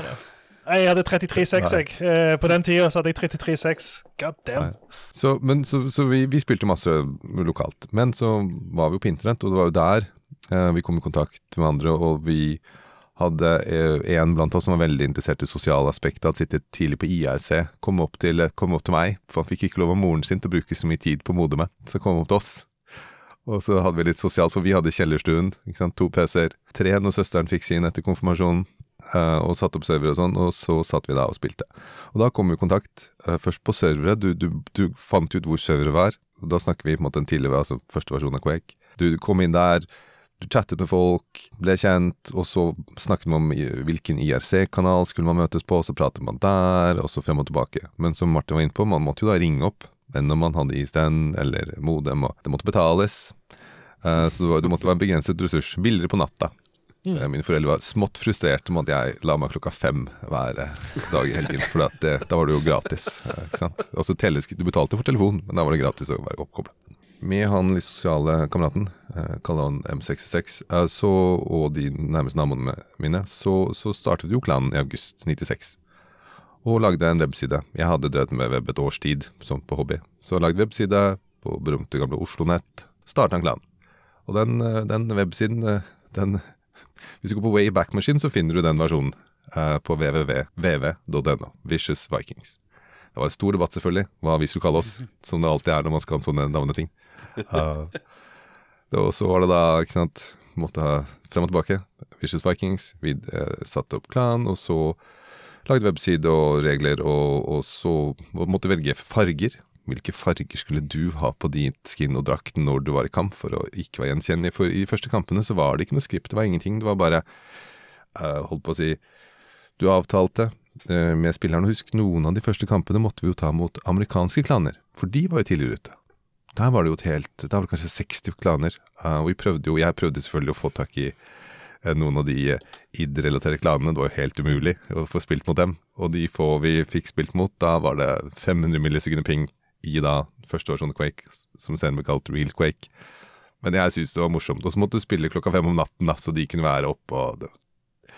Men det var jo morsomt bare å ha den opplevelsen, å spille mot noen amerikanere øh, i det hele tatt. Og bare kunne være litt sånn stolt at vi var nevnt da, i en sånn, det som etter hvert ble en clan ring i USA. Og det var før miljøet i Norge egentlig hadde kommet skikkelig i gang. Uh, men dette var den første versjonen, altså den såkalte real quake. Og så var det jo en- Den hadde jo sine begrensninger, spesielt med tanke på hvor rask internettilkommelig du måtte ha. Med nevnte ping, responstid. Og, og det var jo det neste grepet som, som id gjorde, som tok det videre, vil jeg påstå. Martin? Ja, eh, it, eh, han her, eh, John Carmack fant jo ut at eh, de hadde jo på en måte tatt noen snarveier på det vanlige Quake når de lagde, de lagde nettverksdelen av det.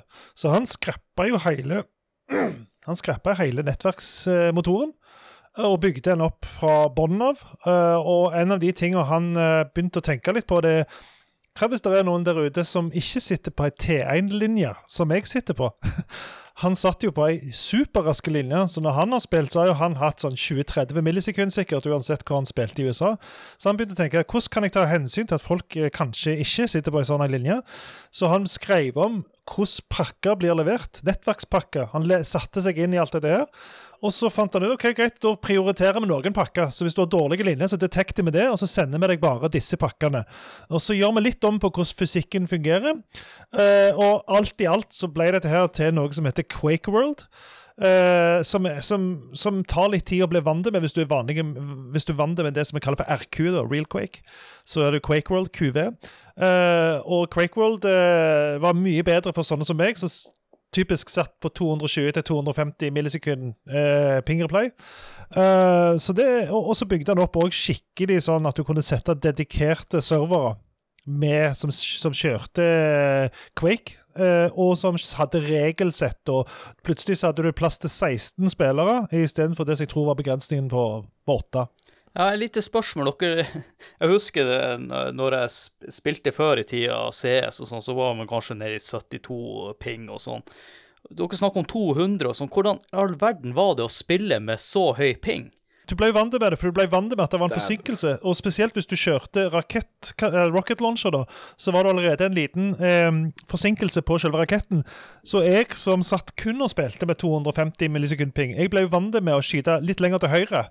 Eh, og satser på at det gikk Ja, greit. helsike. Så du, du ble jo hele tiden vant, vant til å ha det drit, da. Eh, Så det ble liksom, Sånn ble jeg vant til med. Men det gikk jo ikke så lang tid før jeg oppgraderte til ISD-en, og da lå jeg kanskje på 110-120. Eh, og da var det fortsatt Du kunne liksom se veldig lett hva ping folk hadde. Men, men Quakeworld hjalp, hjalp veldig med det å renske opp i pakkesystemet, så det ble sendt eller rett og slett mye mer effektiv nettverkskommunikasjon. Så Quakeworld World hjalp veldig på de som hadde dårlig ping, da. Eh, og det er jo det det er lagd Mm. for. Så, så det var helt eh, Hvis jeg hadde gjort det nå, det var helt forferdelig. Men jeg visste ikke om noe annet. Så det å komme på LAN og spille Quake med en tilnærmet null millisekund eh, pingreplay var jo helt fantastisk i, i forhold til å sitte hjemme og, og kope det. altså. Og det, ble- det ble et klasseskille etter hvert, hvor det var vanskelig å komme med i en klan i det hele tatt eh, hvis du satt på et 33K-modem. For det var akkurat i den tida det begynte å renne på med ISDN-oppgraderinger. Så det ble, det ble en stor ulempe da, eh, etter hvert. Ja, for det, det, det er bare når når du sier så høye tall Altså, jeg sett i CS-øyne, da, så var det liksom å ha så høye tall og, og sitte på sånn Glem det. Det, det, Ja, ja. Altså, det skulle være nede på under 20. Det, eller, eller så var det bare å glemme å spille på det. Ja, og nå kommer jo, eh, kommer jo sikkert Kjell til det snart, men det var jo en klan som heter Carnage Clan. Eh, som på, når den starta opp, var de beste i Norge. Og Det var en gjeng med kompiser som satt på NTNU, eller det som heter NTH da. Eh, de satt eller, Nå rister du på hodet, Kjell. De satt på Høgskolen i Østfold. HIOF. De satt iallfall sammen på et datarom. Med, de hadde 20-30 millisekunder. De satt og snakket sammen. De hadde alle fordeler, i tillegg til at de var dritdyktige eh, uansett. Så hadde de alle fordelene med dette samspillet, som mange av de andre klanene da ikke hadde. Men, eh, men det er sant, de satt med en sinnssyke pingereplay, for de satt på en sånn høyskole. Martin, du nevnte jo det her, jeg husker i LAN-episoden, at du var tidlig på The Gathering. Eh, Var det sånn at eh, The Gathering var eh, møtepunktet for de beste klanene i Norge til endelig å flekke muskler? Nei. Ikke? Nei. Nei, jeg, jeg syns absolutt ikke det. Uh, gathering var, jeg, jeg traff folk på Gathering. I 97 så traff jeg uh, spesielt en som heter Hustler, som, var de- som var i Dagambinos. Som lærte meg en del om oppsett av maskiner og sånn som det. Så jeg traff litt tilfeldige folk. Og i 98 så traff jeg en del flere folk som var kjekt å treffe, men, men det var ikke der det var ikke der det skjedde. Uh, det er jo noe som heter Askerland, og det kan jo Kjell komme til etter hvert. Uh, som hang mye høyere i Quake-miljøet. Men, uh, men det var iallfall sånn Quake World og Ping funka, så det var et lite helsike. Men fortsett på storyen, Kjell. Og jeg kan bare si at første klankampen vi spilte, var da 5. oktober. Altså Vicious Vikings spilte 5. oktober 1996. Og fram til da jul, da, det året 96, var det spilt 14 kamper. Og da var det på forskjellige Jeg har loggen her. Spilte på Roadrunner, det var en kjent server. Der ble jeg kjent med mange folk. Jeg husker ikke noe i- farta hvor den sto. Om det var noe og Husk, disse serverne ble jo satt opp av folk som jobbet et sted, studerte et sted. Folk som studerte på HIOF, folk som studerte på NTNU, folk som jobbet et sted. Han som jeg arrangerte sendet da, nevnte Askeland A-land med, han jobbet ti år eldre enn meg, jobbet i merkantildata. Så det var jo ren frivillighet-Norge, eh, men da i en det vi nå vil kalle en e-sport-kontekst, men helt frivillig, satt sammen, ordnet. Så vi kjørte da Så. Så i løpet av den, den høsten så 14 kamper, og i det Quake World, Klent, server, og dermed bedre støtte for ping De begynner først med sånn global ranking-system i den første versjonen av Quake World Klenten. Da ville jo alle prøve å ha perfekt score og 100% og ikke dø og sånn, så det ble jo bare tull. Den fjerna du fort. Og etter det så ble det jo mer den én mot én, to mot to, klaner. Eh, og klanen var kanskje mest populært fordi det først fordi det var sosialt, fordi du ikke hadde så mange servere i begynnelsen, så du kunne jo ikke sitte og Og så var det såkalt den, den public, da. Du spiller public, flagge, ø, løpe rundt, skyte. Eh, bare en liten ting. Eh, når du gjorde litt research i episoden her, så eh, fant du ut at du kunne være opp mot åtte spillere. Var det sånn i klankampene at dere var fire mot fire, eller kom noe mod i senere tid at du kunne spille flere? Vi hadde faktisk landskamper med Norge og Sverige, med opptil 64 spillere. spillere. såpass. Men det var jo selvfølgelig fullstendig drøtt, og det var et helt annet type dynamikk. Men det var morsomt å være med på, da. Jeg må bare si, det, det vanligste var fire mot fire, men som sagt med Quake World så kunne du tillate opptil 16 spillere innledningsvis, og så har de sikkert økt på senere, men det var en av de tingene. Da kunne du gå inn og observere kamper, du kunne ha observer-status. Det òg var jo noe nytt som kom i Quake World, tror jeg. Ganske sikker på. Og bare for å ta den første kampen, da, så jeg da spilte jeg en kompis min som satt på Han hadde god internett for faren hans for første sånn hjemmekontor, ikke sant. Det, liksom, det, det var litt av de som hadde utstyret ble med å spille først, og så kom alle sånn som Martin med, sant, med modem inn og kunne spille først da Quake World-klienten ble mulighet. Og så utover våren 97, ikke sant, nå vi høsten 96 med gamle første Real Quake, såkalt oppsettet, så kommer Quake World. Du sa datoen, Martin? Når den eh, 13. Quake desember World kom? 1996. 13. desember. Yes. Og så utpå januar-februar 97. Det høres veldig detaljert ut, men det her er hele ramp-upen av måte, noe av det største sosiale miljøet som var til da på gaming. Eller, det var da det startet, vil jeg påstå. Så det hadde ikke vært noe, noe spesielt før. BBS-ene ble ikke det samme i det hele tatt. Og så, i februar 97, så ble det arrangert, ikke av meg, men det var av, av Bjarne, altså Sponkland. Sandman, Sponkland Sandman, de arrangerte et LAN på Sem grendehus i Asker det ble ganske legendarisk etter hvert, for det var det første stedet vi møttes. Og det var der veldig mange kom med keyboardoppsett og måtte konvertere til mus.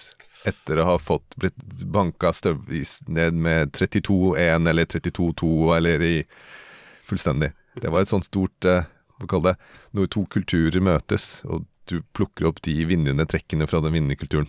Det var helt fundamentalt. Jeg hadde sett det tidligere, så jeg hadde hoppa over tidligere med kompisene mine. Det var sånn hjem og trene. Hjem og trene. Og da var det også en sånn historie om enkelte personer som var så gira at de satt oppe hele natten og trente på ett brett, på én ting. Eh, Det var DP Link, altså det presidentlige Linken. Han satt oppe og spilte hele natta, mens vi andre dro hjem og sov. For han skulle trene på enkelte ting for å kunne klare vindagene på. Hele natta. Totalt gira. snakker ikke noe optisk mus da, altså. Det var jo mus med, Nei, nei. med rullehjul. Det var det også når, når, når, du sa dette her med, liksom, med musa på at, Vet du hva, det er så mange som har tatt ut denne kula, så rensa denne kula, altså Ja, ja. lagt inn Yes. Og det klassiske 'vent, vent, jeg har et hår, jeg har et hår'. Ja. det, det, det. Og så var det diskusjon om husmat og alle mulige ting. Og så Det var februar, og så, etter det, da, så tok jeg og han eh, i andre i i VV-pippen, eh, Kjetil eh, Pedersen, vi tok over på en måte konseptet, for Bjarne orka ikke, og fortsatte da å arrangere opptil elleve land Vi arrangerte Jeg har hele listen her, selvfølgelig. Uh, Arland 2, 3, 4 det første året. Og da møttes man da først på Sem grendehus, plass til 80 personer. Det var da man lærte å fordele strøm per PC og trekke ut og, og Ikke sant? Man lærte mye organisering. Store triks var f.eks. at det kostet Vi gikk på selvkost 100 kroner å være med. Etter hvert tok vi 200 kroner, så fikk du tilbake 100-lapp når du dro, hvis du hadde rydda plassen din. For, Nei, Ja, det var jo den smart ordning. Depositum? Ja. ja, ja, fordi Ikke sant? De voksne gjorde det, men de som var si under 17-18, de gjorde kanskje ikke det. Men 100-lapp eh, var bra. Mm. Og det var der man møttes. Så jeg har jo da ikke sant, bilde av eh, GV Martin, Grendel Warriors fra Stavanger, som tok, tok toget bort. Jeg henta dem på stasjonen i min fars eh, karavell, Volkswagen karavell, og kjørte de bort til landpartiet. Så det var litt sånn igjen frivillig, bringe service frem og tilbake. Essensielt at jeg og kameraten min har tatt lappen, da, kan vi vel si, for at det her skulle gå rundt. Og så en berømt historie, jeg tror det var Arland 4. For Kjetil, han andre arrangøren, han bodde i Bergen. Eh, og da kom han med Bergenstoget. Og dette er en mann som litt, litt sånn pappa, litt sånn overkropp. Han kom da gående på Asker stasjon med én PC, som maskin. En server som han skulle ha med til Vi, stilte med en server hver, da. Og en 14-tommer skjerm. I tau i hver hånd. Og en liten sekk på ryggen. Og en liten sekk på, sekk på ryggen som er mindre enn den jeg har med til jobben hver dag. Da skulle han tre dager plan. Ja. Der snakker vi hardcore. Men han er en eventyrer. Ja, han, han var på våre land i Rogaland òg, by the way, eh, Kjetil. Så uh, fantastisk person. Fantastisk. Og da var det, ikke sant Han har jobbet med merkantildata, tilgang til switcher, LAN etter hvert. Ble bedre og bedre utstyr. Og så hadde vi noen større venues uh, i Sandvika, Ja. på roklubben. Det husker jeg. 140 stykker. Ja. Uh, Var det IX97 i hvert fall, hvor jeg Seks eller sju, Eller 98? Ja. For jeg, hvor jeg, hvor jeg tok, tok min fars gamle videokamera og lagde en, det som er en, en, en M, MPEG av det. Det var jo på en måte ganske tidlig. Den er fortsatt tilgjengelig. Og jeg gikk, tok sånn stemningsvideo da, på gammel 80, 80 mm, nei, de der tapene som var på tidlig 90-tall. Det er 8 SD-kamera kalles det vel. video, eh, ja. Ja. Gikk rundt og tok opp det, og så konverterte MPEG. Ja. Uh, for det hadde jo dilemma alt sånt rundt der. Ja. Ikke sant? Og så og når det gjelder klan, klanmiljø, så var det jo folk som fikk disse jobb... Foreldrene fikk jobb-PC-er, tok kontakt på IRC, møttes på servere, meldte seg inn. Og som jeg sa, Vicious Vikings var jo oppe i 49 medlemmer på et punkt. Og da måtte vi ha ja ja, 49 medlemmer. Da snakker vi en 98, men, men poenget var jo egentlig at i eh, Vi måtte utvikles, og det var ganske gøy. Vi var aldri de beste, men for det var da som det som Martin kalte satseklanen, Karners Clan. Ja. De som satt ned og spilte på Høgskolen i Østfold. Ja. Så Spawn Clan, de som var de kule. Mm. Så vi var underdog. Ja. Vicious Vikings var liksom Motley Crew. Ja, ja stemmer det. Vi var, liksom, vi, var, vi var den joviale gjengen der. Ja, jeg har lyst til å være med. Fint, det. Kjekt, det. Bare eh, fint å være med. Vi hadde A-lag og B-lag så mange var, med. jeg spilte jo på B-lag jeg da i Vicious Vikings. Ja, det er jeg litt nysgjerrig på, ikke sant, at eh, det er jo mange gode historier her om det her eh, med Quake 1, men så er det jo sånn alltid at her i verden at det kommer jo alltid et nytt spill som kanskje også blir populært i Quake 2, og jeg er litt nysgjerrig å høre på hvordan overlevde det her Quake 1 når Quake 2 kom, og etter hvert Quake 3 også. Hva vil du si, Martin, om Quake 2? Jeg ville bare sagt at, ja, nei, jeg ville bare sagt at eh, Quake 1 var på en måte Det levde ikke kjempelenge. For det var ikke bare Quake 2 som kom. Det kom et ras av spill på, etter ganske kort tid. Så eh, Quake 1 var en ganske intens, eh, egentlig kort periode. Og spesielt, vil jeg si, når disse her eh, Half-Life og CS-ting kom liksom 98-99. Mm. Da var det litt over og ut for Quake, altså, og da begynte den å spre seg. Men da hadde en på en måte allerede etablert et klanmiljø, et slags miljø rundt dette, så det var noe å bygge videre på. Men, men mm. i, i ganske lenge, et helt si, halvannet år eller to år, så var, så var Quake alene. Og da var det, det var det alle spilte på LAN. Når du gikk rundt på LAN og noen spilte, så var det veldig ofte folk spilte Quake. Um, så det, jeg vil ikke si Quake 2 var trussel. Jeg vil si det var andre spill. Quake 2 syns jeg var et dølt, kjedelig spill. Vet, vi snakka litt om det, og det var jo han Jonas som vi hadde som gjest i CS. Han sa jo det at det var jo flere som fulgte over på CS òg, følte han. Og ah, ja. husker jeg rett, så spilte han vel Quake også sjøl i starten, men at det bærte over til CS, som, ja, som nevnt, med, med mange flere. han sa en veldig viktige ting om Quake, og det var at Quake var et enkelt spill der det bare hoppes bredt og skyter. Og det er helt riktig. Quake var et spill som belønna spillere som hadde god reaksjonsevne og, og, og, så, og mm. der ting. Det var ikke så mye tenking, og det var helt greit. Det var sånn Quake var. Det var jo først når CS og andre spill kom, at det lønna seg å ha en del forskjellige strategier. At det, var liksom, det ble et helt annen dynamikk, men Quake var først og raskest. Sånn var det bare. Det var en ja, evolusjonen. Bare for å ta det, bare for å ta det, det var mye også Sist Quake ble spilt mye, helt til og med høsten 99, altså. Ja. Fordi du hadde, du hadde det Norwegian Clan, Clan League som begynte sommeren 98. Mm. Ikke sant? Og da var det organisert, og den gikk i tre sesonger.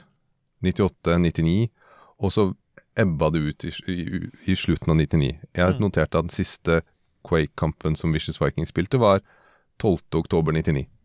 Så Ja. det var den siste. Og da, etter det så tok jo andre ting over, for mitt vedkommende. Da jeg har vært i militæret i 90 90 97, så da degraderte jeg meg selv til andrelaget for øvrig, fordi jeg var borte. Så måtte jeg jobbe meg opp på førstelaget, Martin. Så alltid mulig, vi tullet ikke.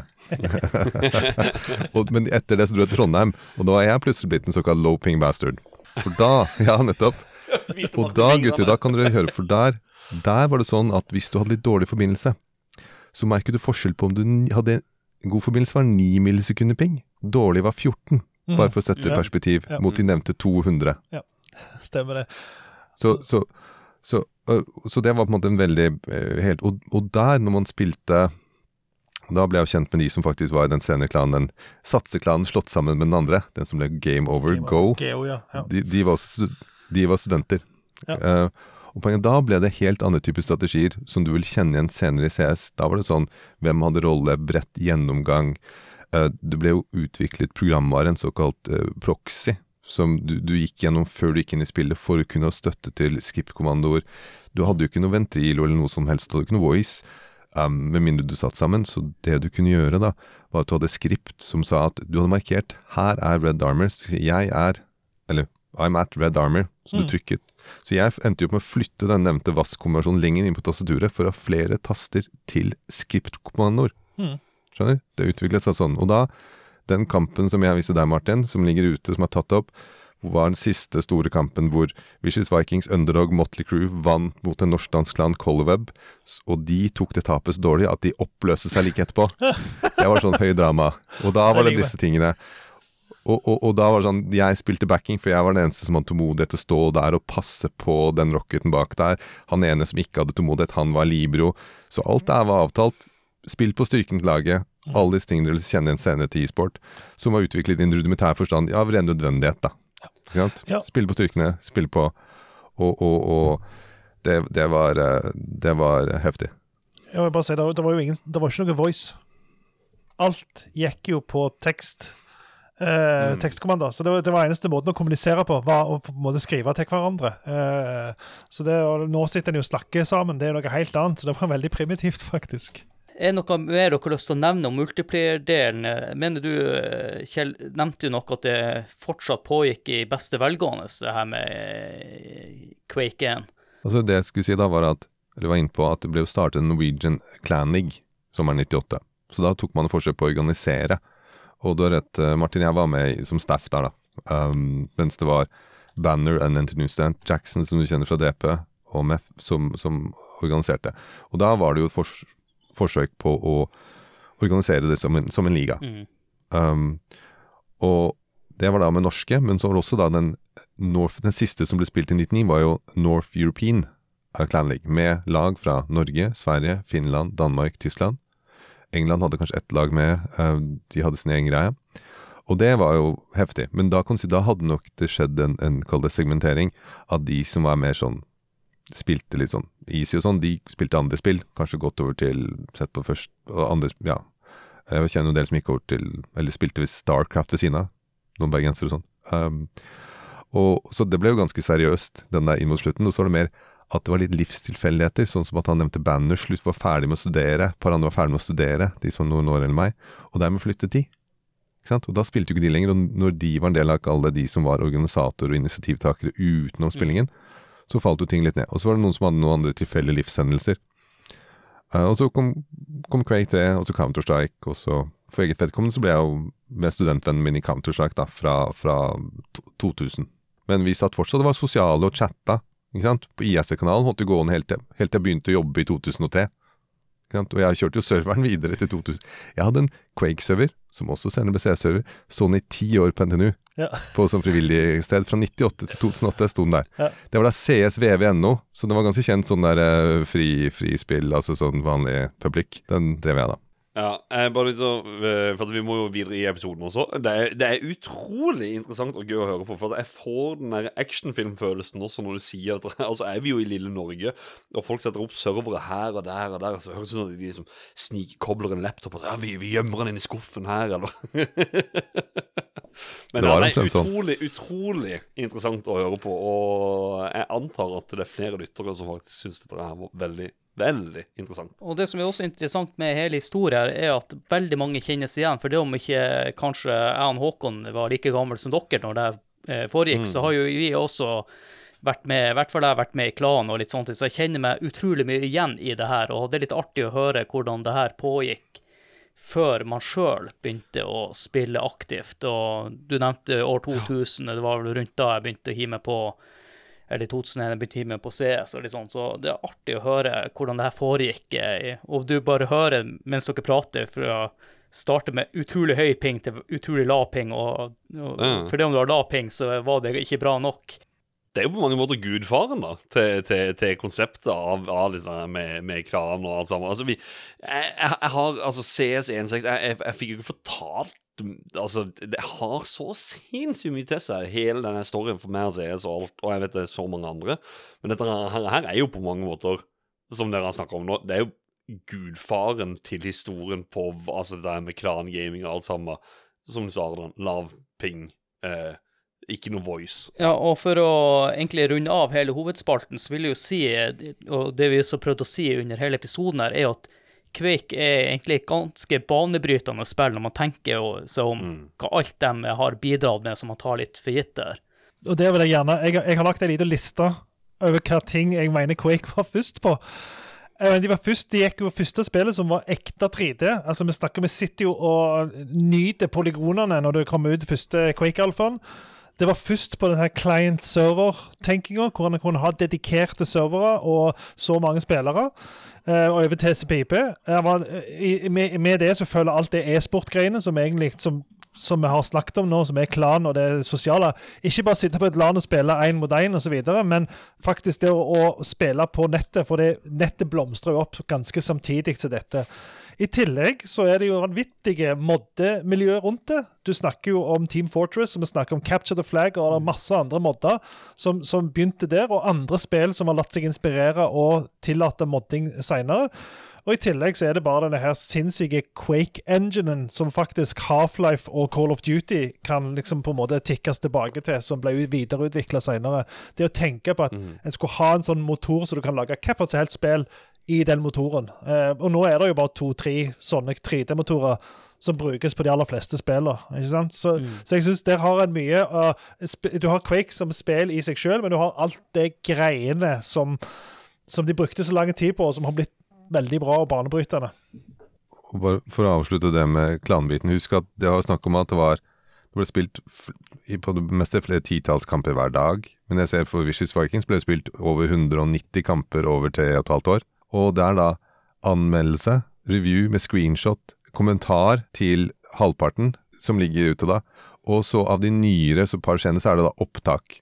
Dessverre har ikke jeg fått samlet alle, jeg har de opptakene jeg fikk og sånn, men hadde alle faktisk samlet, så hadde det vært opptak av si halvparten av kampene fra de nye, da. Som man da kan spille av og se på YouTube hvis du vil. Jeg tok opp en i går. Så det er på en måte det hele, alle disse elementene som senere går inn i e-sport, som dere snakket om i CS-episoden, de ble pionered da.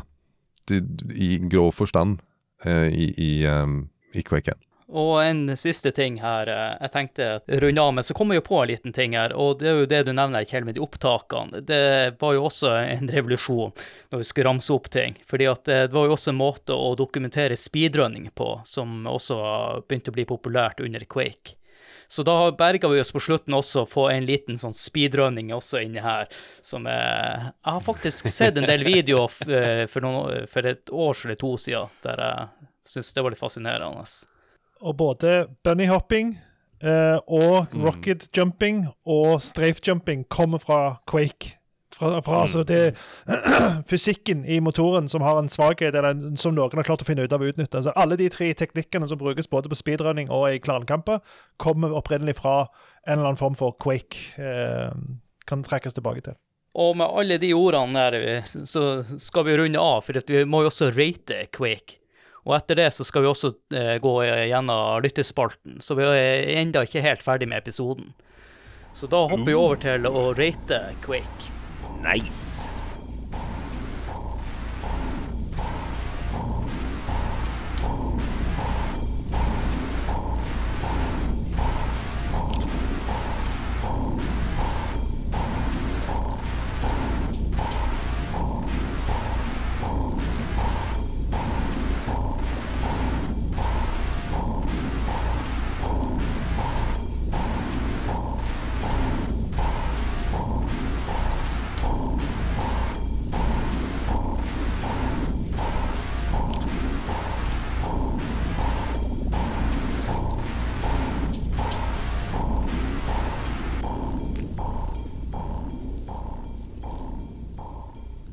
Yes, som vanlig så setter vi karakterene etter Nintendo-magasinet sine kriterier, og bedømmer spillet etter de her fem punktene.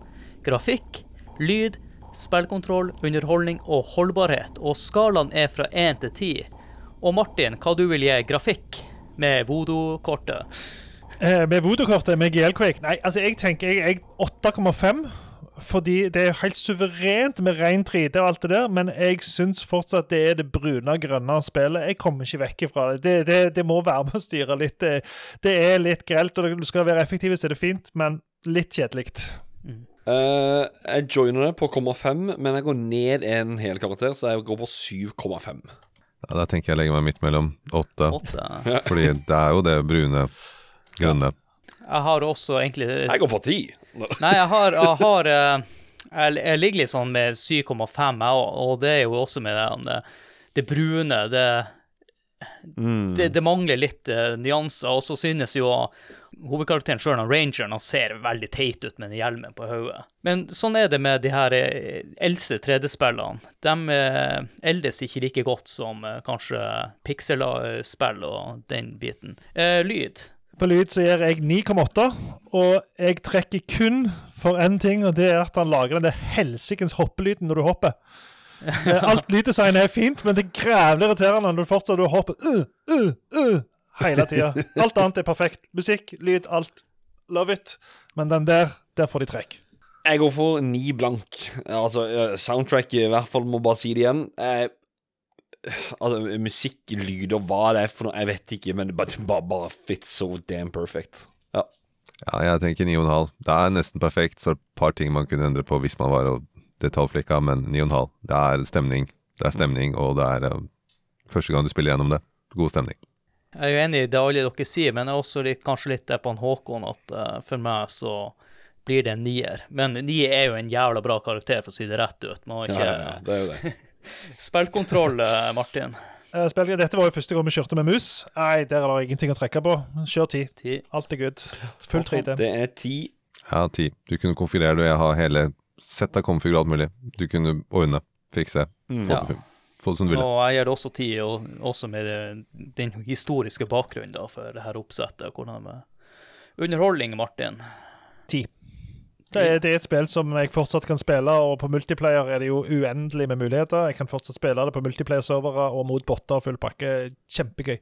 Altså, jeg har sagt det før, uh, sier det igjen. Du kan sjekke det ut på GamePass. Jeg har gjort det nå nylig. Jeg koste meg, altså. Det er ti av ti. Ja, altså Når du inkluderer multiplayer-delen, så er det jo 10 av 10. Og jeg har jo som sagt en server stående på en Raspberry Pi her nede, så jeg må jo gi det 10. Ja, ti. Jeg, jeg skal være streng her og gi det en nier. Neida. Eh, holdbarhet, Martin. Hvordan har det holdt seg? Nei, altså hvis du, hvis du ser vekk fra alle de tingene som jeg snakket om, Ja. som, som spillet har tatt med seg, og bare ser spillet isolert sett, så, så har det ikke holdt seg så jeg, jeg, Åtte er fortsatt en bra karakter, men, men det, blir, det, blir, en- det blir en åtter her for meg, altså. Jeg er streng hvis jeg sier åtte. Nei, jeg er ikke det. Og åtte er fortsatt Ja, det er en god karakter. Jeg gir det åtte, jeg også.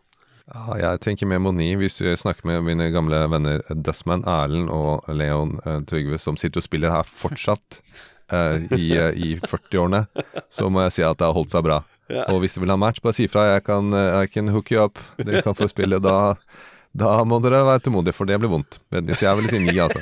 Holdbarhet. Ja, jeg kan gi det åtte og en halv. Det, det er fortsatt ganske speedy gameplay og, og tightness, så jeg gir det åtte og en halv. Og med det så har vi jo rata Quake. eh, Og det, jeg gjentar det igjen at det er noen som synes at vi rater på litt teit måte, men alt der handler om hyllesten til Nintendo-magasinet. På ei tid der man ikke visste helt hvordan man skulle rate det, og kanskje de her eh, spillanmelderne ikke var helt inne i spill heller. Og så skal det sies at eh, på slutten av året nå, nå er vi jo i januar når vi spiller inn denne episoden i 2024, så Game of the Year 2024-episoden, da skal vi ha ikke altså, the, altså årets spill, men vi skal ha årets spill. Og det er da litt basert på denne ratinga her. Så får vi se hvordan Quake gjør det, da. Jeg vil si sånn som tallene ser ut nå. Det er bra. Vi får nå se om det når helt opp til toppen. Kommer alltid et eller annet konsollspill dere liker bedre. Ja, det, det, det skal du ikke se bort ifra eh, med tanke på det vi allerede har planlagt. Men så kan det hende at ting endrer seg etter hvert. Eh, Ja, ja, ja. Men vi har jo en spalte til. eh, Vi har jo folk som, ikke bare oss, som eh, har lyst til å mimres om Quake, men også våre lyttere. Så vi må jo over på Spill Community på Facebook her, som jeg tenker jeg og du, Håkon, kan eh, gå gjennom i lag. Ja, jeg kan godt begynne. Jeg kan begynne med han Robert Engli. Han sier 'husk jeg, jeg la inn Impuls 9 på en tast sånn at våpen var lett tilgjengelig, og noclip ble også brukt i noen tilfeller for å finne ut hvor de siste hemmelige rommene var, men trengte ikke mange ganger før man hadde lært seg hvor de var. Ja, dere som er litt eldre enn oss, dere Juks. kjenner dere er igjen. juks. Juks. Ja, selvfølgelig har vi brukt de, vi òg, men uh, spill er jo mye Spill er alltid mye kjekkere når du ikke jukser, men ja, jeg ser dem. Så har vi Fred Inge Mr. Awesome Stenersen, også kjent som Fis inne på discorden her, eller spilldiscorden. Utallige timer med moro. Springe rundt og hente de beste våpnene og powerupsene, for så å bli drept rett rundt neste hjørne. Fast-paced moro med venner og ukjente revolusjonerte en hel verden, in my opinion. Turnering i Quake på neste spill, Con online, kanskje. Da refererer han til et sånn her lite online-event som vi hadde inne på Discord-serveren. Og da kommer Magnus Eide Sandstad med en kommentar under at han setter lett opp en server. Og han er stor Quake-fan også. Så det Ja, jeg vet Magnus er veldig klar for det. Og vi er klare for det. Ja, Magnus hadde også skrevet quad damage her med to utropstegn. Han har vært så stor Quake-fans at han allerede hatt en server oppe og gitt eh, IP-adressen til den. Nå er jeg streng. Eh, Nestemann ut er han Inge Husby Bortne. Han spilte mye på videregående. Ser en bort ifra grafikken i spillet, så var det å skyte zombier en skremmende og sprø sak. Lyden var helt grei. Spiller det gjerne igjen. Totalt sett en syv av ti fra meg på en skala fra én til ti. Og eh, du Inge, du er jo kanskje vært mye strengere enn oss, så jeg vet nå i hvert fall at vi er nå i hvert fall over det snittet. Jeg vet ikke om vi, om vi Ja. ga en syver i hele tatt, så Jeg tror dette var veldig, veldig vanlig, for jeg tok det opp i miljøet på jobb òg. Det var mange som hadde spilt det på skolen, og mange som snakket om andre som hadde spilt det på skolen. Jeg tror dette var et veldig vanlig skolespill i en periode, faktisk. Ja. Her, her er det noe vi snakka om tidligere. Altså, eh, David Hole han skriver at husker vi kunne bruke datarommet på Alta videregående skole. Og der hadde noen snikinstallert Quake. Hvorfor gjøre skoleting når man kan spille i stedet? Snike det inn der du kan. Ja, overkommelig størrelse på spill òg. Det er vel 80 megabyte full Ja. versjon, og så skjeva versjon, på 35 megabyte eller noe sånt. Så det, det er overkommelig. Det kommer fort i gang med det spillet. Hvis det er internett, så tar det ikke så lang tid hvis du har gratis linje. når det står der. Ja, det var jo en klassiker det med skole-PC. Jeg husker når jeg gikk på Nordøysa videregående skole, så var det jo installert eh, eh, Super Nintendo-emulator og sånn, og gamle DOS-spill som vi satt og spilte i friminuttene. Eh, Sistemann ut her inne på eh, spill community-gruppa vår på Facebook. Det er han Kristoffer Gettoboy Hansen. Han skriver LAN-spill nummer tre etter CS og eh, Starcraft, som jeg aldri egentlig klarte å få hodet mitt rundt, og ble ei- eid uten like i alle konkurranser, men gøy.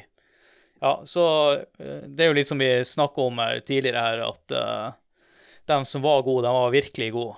Kanskje større, mye større nivåforskjeller der enn på f.eks. Counter-Strike, vil jeg si. Han, ja, ja, for han, han nevner jo CS, og det er jo som vi har snakka om, da, at eh, normen gikk nok til CS, og at de som spilte Quake videre, var eh, nok over gjennomsnittet gode i Quake, da. Så det at eh, når han da nevner CS og Quake sammen her, så kan jeg egentlig skjønne at han eh, ikke klarte å få hodet, hodet helt rundt. Bare for siden du var på CS de, Da jeg eh, spilte med de vennene mine på, på universitetet før CS16, da så du Quake-treningen. For da Ja. kunne vi gå inn på D Dust 1. Alle sto og ventet på oss med MP5, og vi wipet hele landet laget. ja. Det var før 1.6, for da korrigerte det. Uh. Så jeg skjønner hvorfor det korrigerte det. ja. Og da hadde man Quake-treningen. For du hadde responsen, du hadde tiden du kunne gjøre det. Så det, det var bra du gjorde det. Men uh, man kunne si, sikte og skyte etter å ha spilt Quake en del. Mm. Ja. Og jeg kan bekrefte at de som har spilt det fortsatt, de er helt insane. ja. Du, du vil ikke klare å få én frag. Ikke kjangs. Mm. Nei, vi, altså, nei, Raspberry Pien din og den serveren jeg, jeg har lyst til å joine en gang. Men ja, Adrian, du nevnte Discorden. Vi har jo en Discord-kanal, og der har vi en kanal som heter Spørsmålsspalten, hvor vi eh, prøver eh, like godt som inne på Spill Community på Facebook å spørre om diverse opplevelser eller noe til det vi snakker om. Og den eneste som var der inne, det er Fetthesten, også kjent som Trygve fra Spillegal sin podkast. Han skriver da Jeez, hvor skal man begynne? Husker jeg sparte opp til å kjøpe Quake da det kom ut, og hvor fantastisk det var å spille det med musikk. På pappas 486 DX. Eh, DX4 100 megaba- eh, megahertz med 8 megabyte ram. Tipper jeg fikk rundt 20 FPS i 320 ganger 240. Men det var ordentlig magisk. Quake er antageligvis spillet jeg har runda flest ganger. Pleier å kjøre gjennom en gang i året. Det var det første spillet jeg klarte å, programmere min egen mod til. eh, siden koden til spill, spillogikken ble gitt ut eh, så man kunne endre på alt i spillet. Brukte også mange timer på å lage egne brett til Quake, timevis på Quake World, og til og med på mods og nye brett i nyere tid. Se, hør, hør, hør der, da! Det er Ja, mann. det å lage levels til Quake er faktisk ganske komplisert i forhold til Doom, f.eks. Doom var ovenfra og Mm. ned. Superlett å lage et nytt, helt OK brett, mens i Quake så er det alle tre dimensjonene. Mye mer hensyn Ja, å ta. ja, ja. Det er ingen tvil, Trygve. Du får ta og så eh, komme i kontakt med Kjell der, og så eh, bli, bli, bli med på den Raspberry Raspberry Pien sin. Han er på vår alder, eh, han er på vår alder, Kjell. Ja. Ifra forumet Spillegal. Du hører, du hører 486-smerten komme gjennom Ja da. Kjent sak. Men det var i hvert fall lytterbidragene vi hadde fått, og mange skjære gode minner. Det er som sagt, slett. eh, vi setter alltid stor pris på å høre deres minner ifra de spillene vi snakker om i de episodene våre. Og som mm. vanlig så bruker vi alltid la gjestene få lov til å plugge det de holder på med, hvis de ønsker. Og Martin, du har jo en podkast. Jeg har en podkast som heter Flisespikkeriet. og Det er ikke en gamingpodkast, det er en podkast for folk som liker å pirke i småting i brukeropplevelser, enten det er digitalt eller analogt. I tillegg så er jeg òg halvveis med i et retrocrew, og vi har planlagt eh, 2024 skal bli det store Amiga-året. Så vi skal kun snakke om Amiga på Retro Crew i år. Og så skriver jeg jo litt for spillhistorie, men de promoterer dere vel uansett, så Mm. yes. Enn du, Kjell, er det noe du har lyst til å promotere utenom eh, den serveren din på Raspberry Pi? Nei, jeg har ikke noe annet enn jobbrelatert til kjellerting. Men det jeg kan si, er jo det at i kjellerstua her, hvor min sønn fortsatt sitter og spiller, selv om han burde lagt seg, så har jo vi satt opp basically lite gaming community inspirert av den gamle. Hvor det er fem PC-er, så barna da, i alder åtte til tolv år kan sitte og spille sammen og gjøre ting. De bruker sine egne spill. Men det er på en måte noe inspirert da, av det at vi hadde kjellerstuen, og jeg så hvor viktig det var at man det var før man kalte det gamere, men at man har mulighet da, til å komme sammen, være sosial og spille. Uh, bruker noen av de tingene. Ergo derfor Raspberry Pi, derfor jeg setter opp ting, og ja da, Minecraft og alle ting, men tar den community-biten uh, og bygger på den, fordi jeg syns den er verdt det. Og en siste fun story. Jeg møtte en av mine beste venner på studiet i Trondheim på av Quake. Det var 500 mennesker i salen. Denne min gode venn Ole kommer bort, randomly går til meg, jeg vet ikke hvorfor, setter seg ned og spør Du, tror du vi kan finne noen som spiller Quake her? og blant de 500 studentene så var kanskje jeg den eneste som var såpass engasjert. Der snakker vi holdt på å si skjebnen og, og forskjellige ting vi ikke det var, det var en morsom opplevelse. Er herlig. Jeg har litt, nesten litt samme historie med Ralf som har vært med i mange episoder. Vi hadde begge en forkjærlighet for eh, spillet Secret of Mana. Så ja, vi er nå fortsatt venner i dag, og vi møttes i studien. Men go gaming-kulturen er det, er jeg veldig pro. Altså. Jeg syns den blir altfor ofte marginalisert eh, som noe sidegreie som ikke er en skikkelig kultur å drive på med. Så eh, go gaming. Ja, jeg likte de ordene, og da, Håkon, da er det bare oss igjen å, eh, å plugge. Ja, som vanlig så eh, kan vi jo si at hvis dere har lyst på spill-merch, så kan dere sjekke ut um, Spreadshirt-butikken vår. Link den er i episodebeskrivelsen. Der finner dere også linker til eh, Facebook-communityet, som er Spill-community. eh, Facebook-sida vår. Det er også Discord-kanalen vår, så det er, det er bare å sjekke ut de linkene der. Eh, måten som støtter oss på, det er jo å tipse venner og bekjente om podkasten. Og dere kan også gjøre det via patrion.com slash lolbua. Der er vi da i samarbeid med Lolbua, Ragequit og Likos univers med gjedda. Og vi har et par sånne tiers der inne i forskjellige nivåer, hvor vi har nachspiel. Da er det vår bonuspodkast, hvor vi tar ja, litt løsere prat rundt gaming. Hva spiller vi for tida? Ja, bare sånn litt sånn laid back. Et såkalt nachspiel. Eller så kan dere gå opp til festdeltaker og få med dere Roffelbua, hvor vi da er alle podkastene, litt sånn i rykk og napp på hvem som er med, og gjør et eller annet moro, et eller annet tema for hver episode. Og så må vi, som Martin nevnte, eh, selvfølgelig da nevne spillhistorie.no, for at Joakim Froholt er så utrolig hyggelig og grei og skriver en artikkel om hver episode vi eh, gir ut her på spill. Skriver utfyllende, gøy. Jeg er veldig nysgjerrig på hva han kommer til å skrive om nøyaktig Quake, for jeg vet også at leserne inne på spillhistorie er glad i Quake. Og ja, jeg tror egentlig det var alt. Uh, Plugginga er litt sånn der det går i rykk og napp, om jeg får med meg alt. Men jeg tror det var alt. En ting er sikkert, Håkon, du er mye bedre på en plugging enn meg. jeg syns du er god uansett, da. og så vil jeg igjen eh, rette en stor takk til deg, Martin, for at du har lyst til å være med på denne episoden her, og det var en sann fornøyelse. Ja. Og en eh, stor takk til deg, Kjell, for at du også ville komme hit på episoden og dele litt den her eh, gode, gamle LAN- og online-minnene fra Quake, som var med og egentlig starta det hele, vil jeg si. Som Det er litt Ja, som vi kjenner online- og LAN-gaming i dag. Det var rett og slett en sann glede, det skal jeg si, å, å, å, å høre på. Altså, det er mm, Det var en sånn derre det- For meg, da, som har spilt mye CS, så var det en sånn oppvåkning om at uh, det var faktisk noe før, og så var det litt interessant å høre faktisk på åssen det var. Hvor ikke det var voice, blant annet, og, og altså bare, bare til og med altså, den enkle biten der. Så det er en sann fornøyelse å ha dere med, begge to. Veldig kjekt å være med. Veldig kjekt. Veldig hyggelig å være her. Ja, og takk til deg, Håkon, som vanlig.